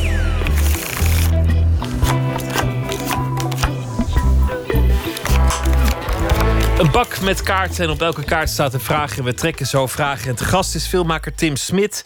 Hij heeft een uh, nieuwe film die uh, draait in de bioscoop op dit moment. Kill Switch. Het is een uh, science fiction actie rampenfilm gecombineerd.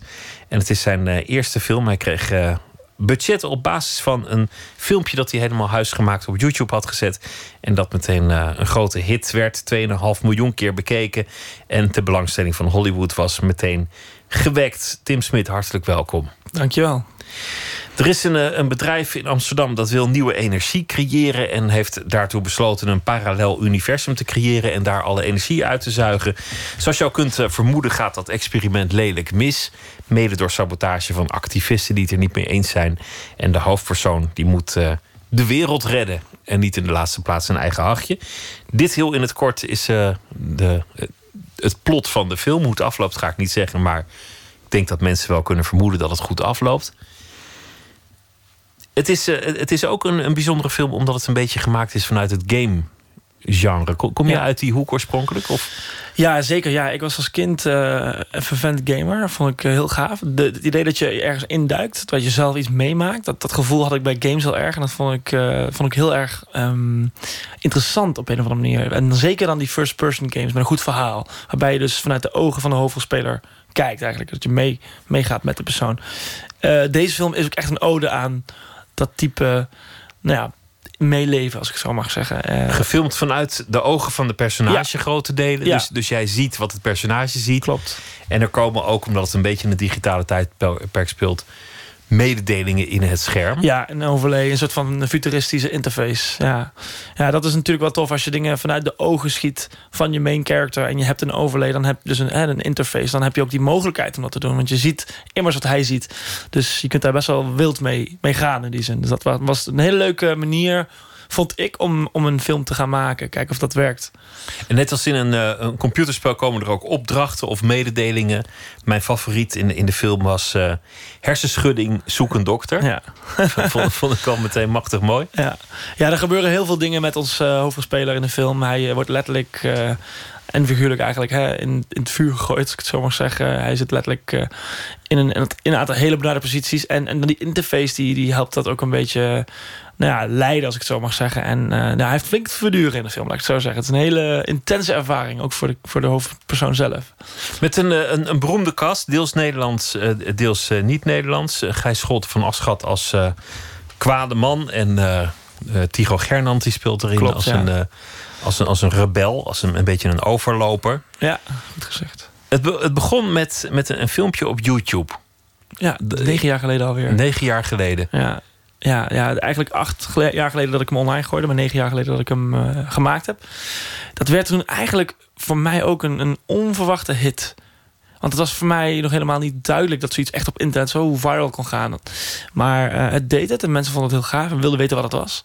En dat leidde heel snel tot aandacht vanuit Amerika, maar ook vanuit Nederland. Van hey, wat wil je hiermee doen? Wil je hier iets langs van maken? Of wil je hier nou, zodanig dat ik daar uiteindelijk via lange omweg en ondertussen een, eh, een speelfilm van heb kunnen maken.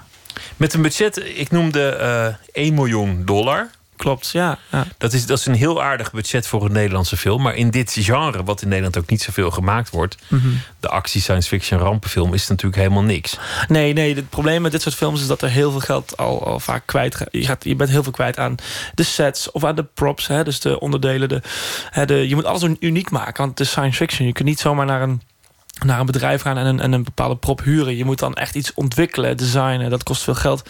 Eh je zit ook heel veel visual effects in. Dat zijn dus met computer gemaakte beelden. Dat kost ook veel tijd. En je hebt gewoon een, een internationale cast. En daar gaat ook veel geld in zitten. Meer dan je denkt. Want je moet mensen onderdak bieden. Je moet ze dus, eh, het kost wat meer geld om ze hierheen te halen. Dus voor, voor dat bedrag hadden wij eigenlijk best weinig flexibiliteit. We hadden maar 18 dagen uiteindelijk om te draaien. Wat, wat echt al weinig is voor een speelfilm van dit kaliber. En dan ook nog de hele stad leeg weten te krijgen. Beelden van, Ja. van de Dam in Amsterdam, van, van, van de Stopera in Amsterdam. Ja. En, Ja, dat en was- de stad zo leeg, nou, dat, dat zie je nooit. Nee, nee, dat was ook wel echt een eh, trucje die we daar eh, meerdere keren voor hebben moeten gebruiken. Ik deed, we hebben eigenlijk een paar dingen gedaan. Enerzijds wilden we zo vroeg mogelijk draaien. Alleen we, we kregen groen licht in september, wat betekende dat we in november moesten gaan draaien vanwege de beschikbaarheid van onze hoofdrolspeler. Nou, in november, zoals je weet, is het gewoon al. Als iedereen al naar werk gaat, dan is het al lang. Dan is het al donker. Dan is het als het licht is. Dus er is heel veel drukte in de stad. Dus dat trucje werkt niet. Dus ik heb meerdere dingen gedaan. We hebben heel slim de wet- de af te zetten met borden en met, eh, met eh, hekken. En helaas ook heel veel uren achter de computer moeten zitten om mensen weg te tekenen. En, Eén voor eh, één alle voorbijgangers eh ja. wegretoucheren. ja, zeker op de Dam. Want we hebben daar echt wel heel lang gewacht... voordat we een moment kregen waarop er zo min mogelijk hè, eh, figuranten waren... als ik het zo mag zeggen. En, ehm, maar ja, je hebt toch altijd net toch hier en daar een taxi die rijdt. En we hadden gewoon niet het geld om die hele Dam af te zetten. Dus dat werd uiteindelijk wegtekenen in de computer. En dan gebeuren er ook nog grote dingen. Er vallen boten uit de lucht of er Ja. worden boten opgetild en het parallele universum ingezogen. Ja. allemaal, allemaal special effects die, die voor een habberkrat zijn, zijn gedaan.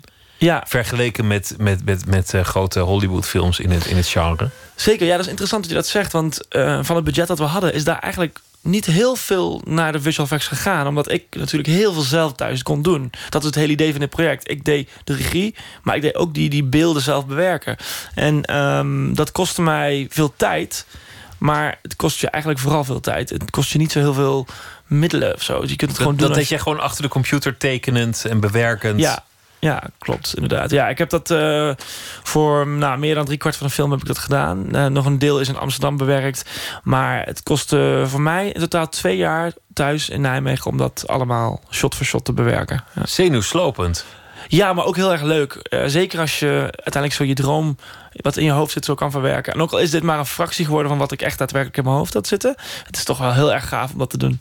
En dat voor de kosten van eh, de kapper van Johnny Depp is waarschijnlijk al, eh, Ja, precies. zo duur. Of de, Ja. of, of, de, of de auto of, of, of wat dan ook. Nou ja, het was grappig, want ik weet nog dat de producent die ik in Amerika gevonden had, die met mij dit wilde doen, die, die werkte toen aan een film. Waarvan het budget zodanig hoog was dat het cateringbudget was al meer dan het budget van mijn hele film. Dus voor hem was het ook even. Voor hij zei: Ik heb nog nooit zo'n low budget film gedaan. Hoe gaan we dat precies doen? Hij wist niet zo goed hoe ik dat allemaal voor elkaar kon gaan krijgen met zo weinig geld. Dus dat was ook voor hun best wel spannend. Ik heb hem gezien in de bioscoop op een, op een re- reusachtig doek. Mhm. Onnoemelijk veel groter dan het scherm waarachter jij die dingen hebt gemaakt. Ja. Dat betekent dat je ook nog echt pixel voor pixel hebt moeten werken om het op zo'n groot doek nog steeds goed te houden. Ja, ja, dat is eh, een hele lastige uitdaging. En ik denk dat wij. eh, ik heb een balans gevonden tussen de tijd die ik ervoor kreeg, het geld dat we hadden. en nou ja, de kwaliteit die we moesten leveren. Het kan altijd beter natuurlijk, als je meer tijd en meer mensen hebt. Maar ik heb geprobeerd daar wel rekening mee te houden. Door, nou ja, gewoon. Je weet dat je dit maakt voor een bioscoopscherm. Dus je gaat ook wat extra stapjes eh, nemen om die detaillering zodanig te krijgen dat dat ook kan. Nou vind ik dat het eh, bij sommigen zijn dat het makkelijker is dan bij anderen. Maar eh, ja, daar komt heel wat bij kijken. Absoluut. Nou, is, is het leuke, het, het ziet er heel goed uit. Het heeft een soort originaliteit, ook vanwege dat, dat, dat game-element eh, bijvoorbeeld. Wat, wat hoop je dat de film gaat doen eh, in Hollywood? Nou, kijk, ik hoop heel erg dat dit een, een, ja, een soort van wake-up kan zijn voor heel veel filmmakers. Want we hebben in Hollywood toch best wel een neiging. Er zijn heel veel originele ideeën, maar er is over algemeen weinig originaliteit op dit moment. Er zijn heel veel remakes die gemaakt worden, sequels. Want dat is, luister, het is een bedrijf, het is een industrie en dat is een veilige manier om geld te verdienen. Maar met heel weinig geld wilde ik laten zien dat we toch nog best wel een hele toffe film zouden kunnen maken. Die ook niet, die niet alleen heel leuk eruit ziet, maar ook gewoon uniek is in zijn aanpak. Dus experimenteel, best wel high concept in die zin. Eh, en het is gewoon een genrefilm, het is science fiction. En dat voor dat bedrag zou je niet zo vaak verwachten. En dat ik wilde laten zien van het kan. Wat nou als we hier nog iets mee doen met een bedrag wat misschien het dubbele zou zijn. Hoeft niet meteen richting de 150 miljoen. Maar gewoon stel je zou voor wat kleiner bedrag hier ook iets mee kunnen doen. Dan kun je natuurlijk dan kan je veel meer maken. En dus dat lijkt mij heel leuk om, om een kans te krijgen die die dat voor elkaar zou kunnen krijgen bij mij. Ja. En eh, de, de vermenging van games en, en cinema. Ik ben ook wel benieuwd hoe dat gaat werken. Of, of de gamers naar de bioscoop komen. Ja. Of de genres uiteindelijk gaan mengen. Dat is een hele levendige discussie die nu gaande is. En ik wilde daar ook heel graag eh, in meegaan. De reden waarom ik dat first person, POV, die keuze waarom ik die gemaakt heb... is omdat ik ervan overtuigd ben dat we in de toekomst... inderdaad een blend gaan krijgen tussen een game en een film. En ik denk de, het grootste verschil zit hem in een game is een actieve ervaring en een film is een passieve ervaring op een bepaalde manier. Dus eh, je moet altijd kiezen als filmmaker slash videogamemaker van wat wil ik nou precies doen? Wil ik een videogame maken of een film? Kijk, ik zit hier om een film te maken. Dat is wat ik graag wil. Maar dit is een hele subjectieve film, Killswitch. En ik weet zeker, en ik wil er graag onderdeel van zijn... dat we in de toekomst meer van dit soort films gaan zien. Zeker als de virtual reality headset een standaard item gaat zijn in iedermans huis. Dan, ga je, dan kun je kiezen van, nou, ik ga gamen met mijn headset. Weet je, ik ben er nu klaar mee. Ik ben eigenlijk wel toe aan een film. Ik ga een film opzetten met mijn headset. En dan kun je dus letterlijk in die film gedropt worden. Zonder dat er misschien een interactie nodig hoeft te zijn. Maar dat is wel een hele interessante keuze. Moet je je voorstellen dat je in één keer in een film kan zijn. Waarbij je dus om je heen kan kijken. En het verhaal op die manier kan volgen. Dat lijkt me tof. Ja, dat lijkt me ook tof. Laten we beginnen met de kaarten. Hier zijn ze. Ik wil je vragen eh, om er één te trekken. Ja. Oké. Okay. Heb je een fobie? Ah. Zeker, tuurlijk. Um, Heeft hij iets te maken met parallele universa? En, uh... nee, ik heb uh, twee uh, hele duidelijke fobieën. Eén is een hele simpele. Dat is een eentje die heel veel mensen hebben. Dat is hoogtevrees. Hmm. Maar ik heb ook wel faalangst. Ja. En dat heeft wel heel veel overlap met mijn film ook. Is toch, je wilt toch gewoon zo ver gaan. Dus eigenlijk een beetje te ver misschien. Dat je er zeker van bent van dit is iets waar je trots op kan zijn. En, en faalangst kan het soms heel moeilijk maken om ergens aan te werken. Dus dat zijn wel dingen waar ik... Uh, waar je tegenaan bent tegenaan, gelopen. Ja, absoluut. Ja, wat het wel heel moeilijk heeft gemaakt deze afgelopen... Ik heb het mezelf eigenlijk daardoor heel moeilijk gemaakt... want ik nam heel veel hooi op mijn eigen vork. Te veel functies voor één project misschien. Ja. Ah, interessant. ja, heel tof. Komt er nog één? Wat vind je lelijk aan jezelf? Nou, er zijn zeker wel dingen die ik lelijk vind aan mezelf. Uh, ik kan nogal uh, geobsedeerd zijn. Ook zeker op het gebied van werk. Dat betekent dat ik, uh, ik, ik zie mezelf wel als een workaholic. En dat is, ja, als ik dat als een lelijke eigenschap mag bestempelen, dan, dan is dat wel mijn. Uh, dan zou ik daaraan moeten werken. Qua uh, wat ik verder lelijk vind. Um... Verbaast me trouwens niet hoor dat je een workaholic nee, bent. Nee. Na het zien van die film dacht ik al: dit, dit, dit moet wel een, een, een, hele fanatieke werker zijn. Ja, ja, zeker. Ik heb heel veel uren achter mijn computer versleten. En, en niet alleen achter mijn computer, maar ook in de voorbereiding en in, in, eh, luister, deze korte film die ik maakte zo lang terug... die leverde me deze kans op. Maar ik was nog helemaal niet voorbereid op de filmwereld. Dus ik heb in die tussentijd heel veel studie gedaan... naar film, naar de geschiedenis van film... en naar drama en, en vooral ook de techniek achter film. Dus je bent daar dan heel erg in aan het duiken. en uh, soms kan je dan uh, ja, daarin jezelf verliezen. Zullen we nog geen doen? Ja hoor, zeker. Pak er nog een. Waarin ben je schaamteloos? Dat is een hele goede vraag. Um, nou, als ik het dan toch terugkoppel op dit project. Ik ga wel heel erg ver door. Zolang, totdat ik krijg wat ik wil. Dus ik ben best wel, kan best wel hard zijn, denk ik. Dus in die zin ben ik, schaam ik me niet zo voor. Uh, nou ja, mijn eigen, mijn eigen wensen bereiken. Uh, verder denk ik. Um, verder ben ik ook schaamteloos misschien in dat ik, ik ben een beetje een kind soms ik kan me soms gedragen als een, uh, een kind als met heel veel fantasie. Ja, en dat uh, vind ik zelf een hele leuke eigenschap. Maar dat kan nog soms een beetje gek overkomen. Zullen we nog eentje doen? Zeker, ja. De moeder der vragen. Wat waardeer je in je vrienden? Nou, dat is een hele mooie vraag. Nou ja, voor mij...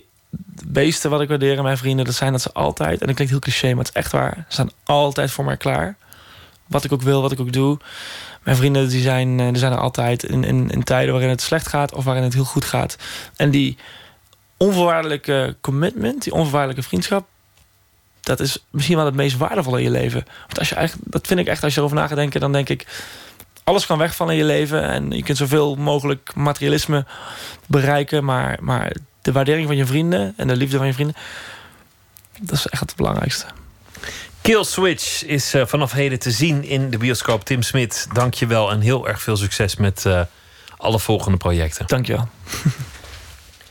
Richard Russell is de grote man achter de Britse platenmaatschappij Excel Recordings. Het label waar onder meer eh, Adele en die XX op zitten. En de, in 2013 werd bij hem een eh, ziekte waargenomen, een auto-immuunziekte. Tijdens het herstel besloot hij om zelf ook weer muziek te gaan maken. En dat doet hij onder de naam Everything is Recorded. We gaan nu luisteren naar een van zijn uh, nummers. Close, but not quite.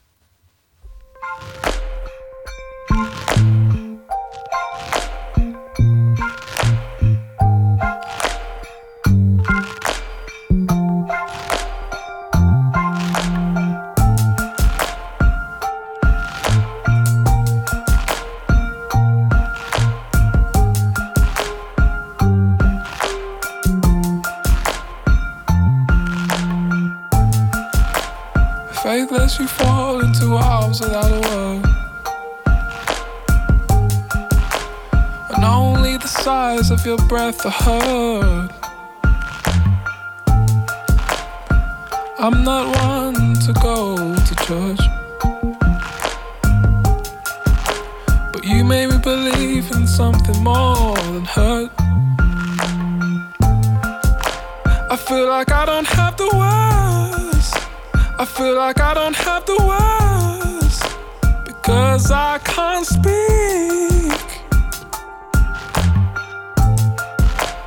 Am I so naive? I feel like I don't have the words because I can't speak. Of these words I've tried to recite, they are close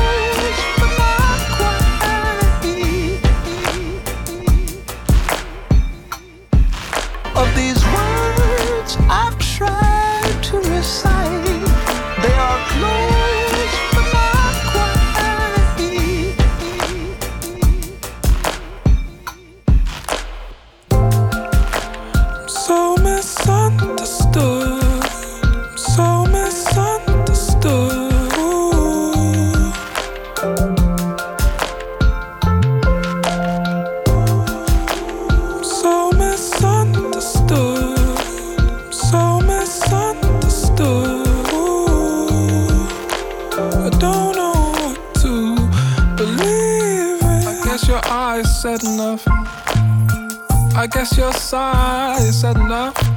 Oh, these words, no, they can't express pain. It's like my life had nothing. There's no words that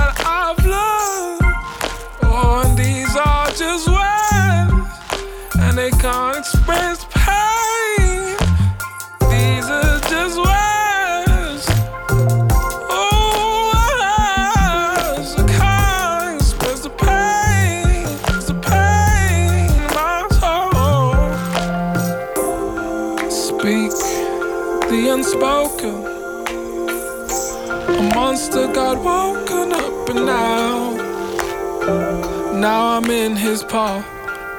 Of these words I've tried to recite, they are close but not quite. Almost impossible to do, reciting the makings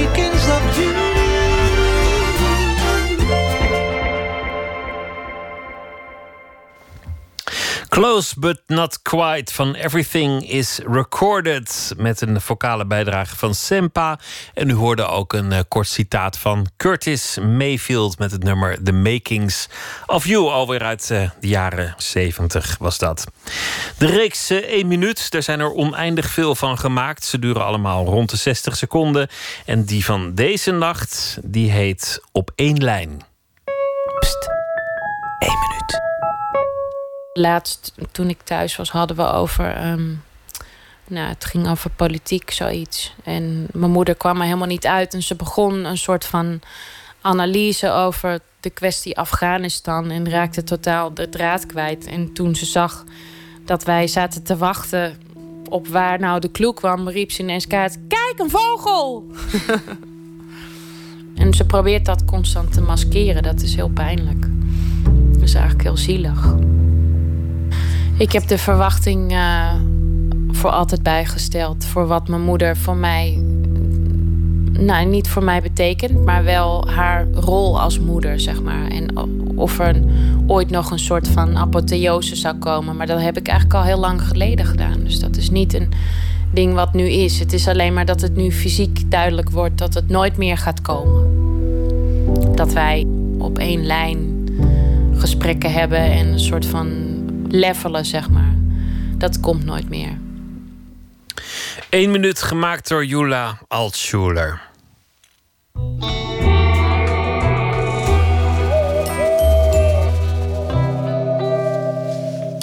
Don Duins zal deze week elke nacht een verhaal maken bij de dag die achter ons ligt. Hij is schrijver voor theater, televisie, film en radio. En hij maakt ook boeken, columns. Hij maakt eigenlijk alles dat eh, in geschreven woord eh, verschijnt. Don Duins, goeienacht. Goedenacht, hallo. Vertel, wat, wat heeft je vandaag geïnspireerd op deze Pinksterdag? Ja, nou, onder andere dat het Pinksterdag is. Maar ja, het is toch een soort eh, rare nepzondag waar je aan eh, onderhevig bent. Dus ik, eh, de, de hele dag was een beetje, een beetje ontregeld daardoor, moet ik zeggen. Het leek, het leek zo'n dag waarop er niks kon gebeuren. Waarop er eigenlijk ook niet zo heel veel gebeurde, toch? Of heb je toch iets Niet gevonden? echt, nee. Ja, nee, het, het nieuws nam ook een beetje in pauze in die zin. Dus eh, dan heb ik maar even Pinkster geschreven. Hartstikke leuk. Ik ben benieuwd, ga je gang. Oké. Pinksteren. Wat een onzinfeest. Waarom vieren we in vredesnaam de uitstorting van de Heilige Geest? Zo kunnen we wel aan de gang blijven. Tweede Pinksterdag, vandaag, is al helemaal onzinnig. Nadat ik boodschap had gedaan, kwam ik vandaag een vriend van mijn zoon tegen. Een aardige gozer van 23 met een vlassig baardje. Zijn gezicht stond op onweer. Ik heb een knuffel nodig, zei hij. En sympathiek als ik ben, gaf ik die. Hij vertelde dat hij een rotdag had gehad, de vlasbewaarde jongeman. Al vroeg was hij op weg gegaan naar het Science Park om daar te gaan studeren, staatsrecht. Toen hij bedacht dat het tweede Pinksterdag was en de kantine al daar wel dicht zou zijn. Dus ging hij terug om eten te kopen bij een stationskiosk. Eenmaal aangekomen bij het Science Park bleek dat geheel gesloten. Vandaar dus zijn matige humeur, uren onderweg voor niks. En waarom is alles dicht, zei hij. Mijn generatie viert dat hele christelijke feest toch helemaal niet meer? Ik gaf hem één goede tip. Kruip niet je nest in, maar ga die staatsrecht shit leren. Hij knikte en bromde dat dat waarschijnlijk wel een goed advies was. Zelf heb ik nooit veel begrepen van Tweede Pinksterdag. Een extra vrije dag is het, met veel gesloten winkels en veel geopende meubelboulevards. Die verdoemde plekken van de verveelde consument. Het vage vuur voor de dagjesmens. Drie remonstranten lieten een paar dagen geleden een proefballonnetje op. Of Tweede Pinksterdag niet kon worden vervangen door het suikerfeest. Zodat de moslims ook iets hebben. Eerlijk is eerlijk. Natuurlijk kwamen daar weer reacties op dat we trouw moeten blijven aan onze tradities. Maar een feest waarvan denk ik de meeste mensen niet eens weten waar het over gaat of waar het op slaat. Zoals de onfortuinlijke jonge rechtenstudent die ik trof. Wat heeft dat voor nut? Of om met Wint en Schippers te spreken, waar heb dat voor nodig? Nergens voor natuurlijk. Maar de woonboulevardlobby is waarschijnlijk oersterk als degelijk eikenhout. Ooit schreef de onvergetelijke Arnhemse dichter Johnny van Doorn een bundel onder de naam De geest moet waaien. Kijk, laten we dat vieren. Niet een geest, alle geesten. Te beginnen met Johnny van Doorn. Tweede Pinksterdag, een, eh, een onzinfeest zoals er vele zijn. Wat, wat Ja. me altijd op de opiniepagina's opvalt... is dat er eigenlijk meer pleidooien staan voor meer feestdagen dan voor minder. dat ze dan bevrijdingsdag toch een vrije dag willen maken... en het suikerfeest dat jij al noemde... en eh, de dag dat de grondwet werd ingevoerd... en de dag dat Nederland onafhankelijk werd. En, eh, Maar ik vind het zo bemoeizuchtig allemaal. Laat, laat ons een beetje met rust. En dan kan ik gewoon naar een winkel als ik dat wil. En niet dat ik... Ja, het, is- het is allemaal zo betuttelend. Je kan inderdaad wel elke dag van het jaar inkleuren op die manier. ja, of, Maar misschien, wat- of misschien zit er ook wel gewoon ordinaire lapswanserij achter. Want, want mensen in loondienst krijgen gewoon lekker doorbetaald... en hoeven niks te doen. Nee, en kunnen naar die woonboulevards. En, en, eh, Maar het is, een, een- natuurlijk een sigaar uit eigen doos. Want je betaalt daar zelf premie voor. Dus, dus het lijkt allemaal heel lekker. Maar dat is het uiteindelijk niet. Ja, en ik als kleine zelfstandig, wat ben ik, ZZP'er, dat bestaat geloof ik niet meer. Ga, moet toch schrijven en werken, wat ik ook leuk vind hoor. Dus, eh, En dat heb je ook gedaan. Is ook dat gelukt. heb ik ook gedaan. En niet alleen dit, ik heb, heb nog meer geschreven. Nou ja, dus in die zin heb je ook weer niet, niet echt, echt te dreinen natuurlijk. Maar het, het, het is waar, het is een eh, totaal onzinnige feestdag. Ko- komen er nog Maar weet meer je- weet je eigenlijk? wat- weet jij dat? weet Want, je- want we hebben nu Pasen? Hemelvaart, Drie Koningen hebben we nu gehad. Of komen er nog meer aan? Nee, nee, we hebben wel eieren gezocht en al die dingen gedaan.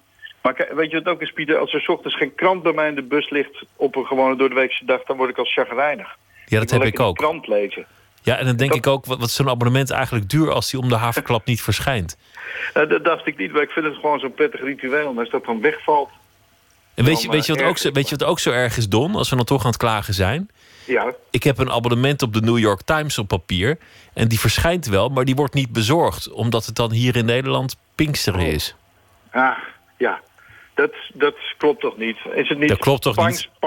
In Amerika of zo? Hoe noem je dat dan? God, nou, dat, dat Pinkster Day. weet ik allemaal niet. Nee. Don, dankjewel. Morgen gewone werkdag. Tot dan. Goeienacht. Tot dan, goeienacht. James Vincent McMorrow is eh, een Ierse troubadour. Hij heeft een eh, nieuw nummer uitgebracht. Een verwijzing naar een eh, bekende band uit New York. Het nummer heet dan ook The National.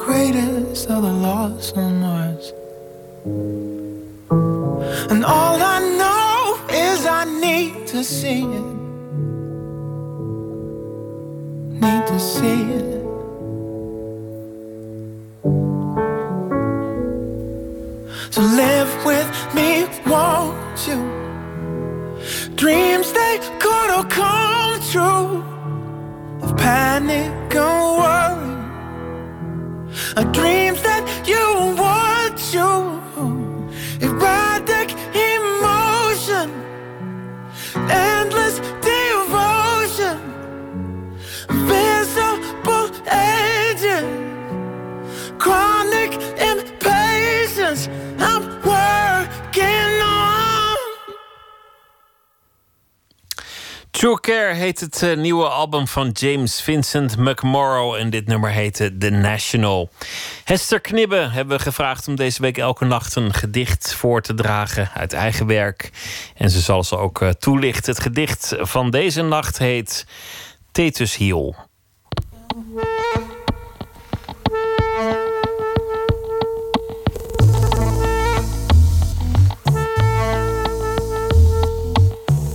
Thetis Hiel. Zelfs goden. Ze worden geboren in hoofden, doven uit tot een mythe. Zoals niemand de bron van de bron kan duiden, of later op zee kan vertellen: dit is het water dat diep in de aarde, dat wat hoog op de bergen stroomde.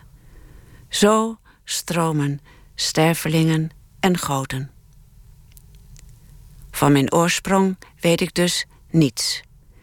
Ik huurde de aarde. In mij groeide een kind, viel uit me tenslotte. En ik murmelde, mormeltje mijn, ik noem je, dompel je in onkwetsbaarheid. Het lachte naar mij, hield me vast bij de hiel toen het mama zei. Het gedicht Thetis Hiel uit bedrieglijke dagen. En het is een gedicht dat over kwetsbaarheid gaat. En vooral waar ouders kwetsbaar in zijn. En ik verbeeld dat aan de hand van Thetis, de moeder van Achilles. Dat vechtersbaasje met die zwakke hiel. Ze was zelf godin, maar ze trouwde met Peleus, een sterveling. En het gevolg was dat Achilles ook sterfelijk was. Nou, het verhaal is bekend. Ze verzon list en doopte hem in de Styx om hem onkwetsbaar te maken. Maar ze hield hem vast bij de hiel wat dan zijn zwakke plek werd. Maar in mijn gedicht gaat het niet over de kwetsbaarheid van Achilles, maar over die van zijn moeder. Want waarom deed ze dat, kun je je afvragen. Ze is daarin zelf aan het woord. Thetis Hiel. Zelfs goden. Ze worden geboren in hoofden, doven uit tot een mythe.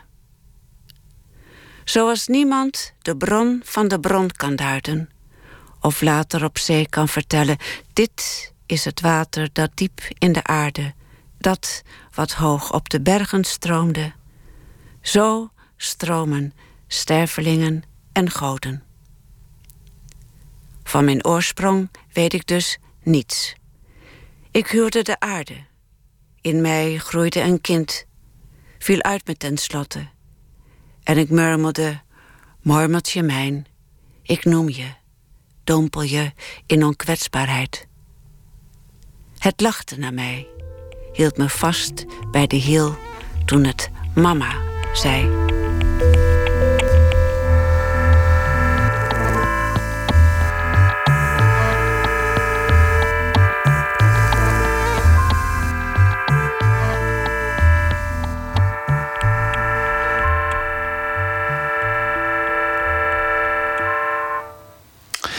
Hester Knibbe met het gedicht Thetus Hiel.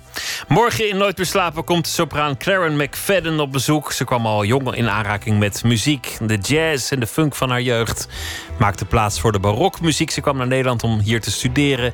En ze kwam hier in aanraking met de moderne muziek, de hedendaagse muziek die haar wereldberoemd zou maken.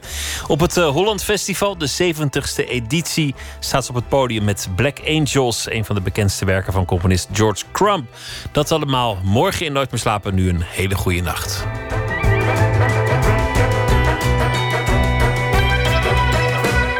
Op Radio 1, het nieuws van alle kanten.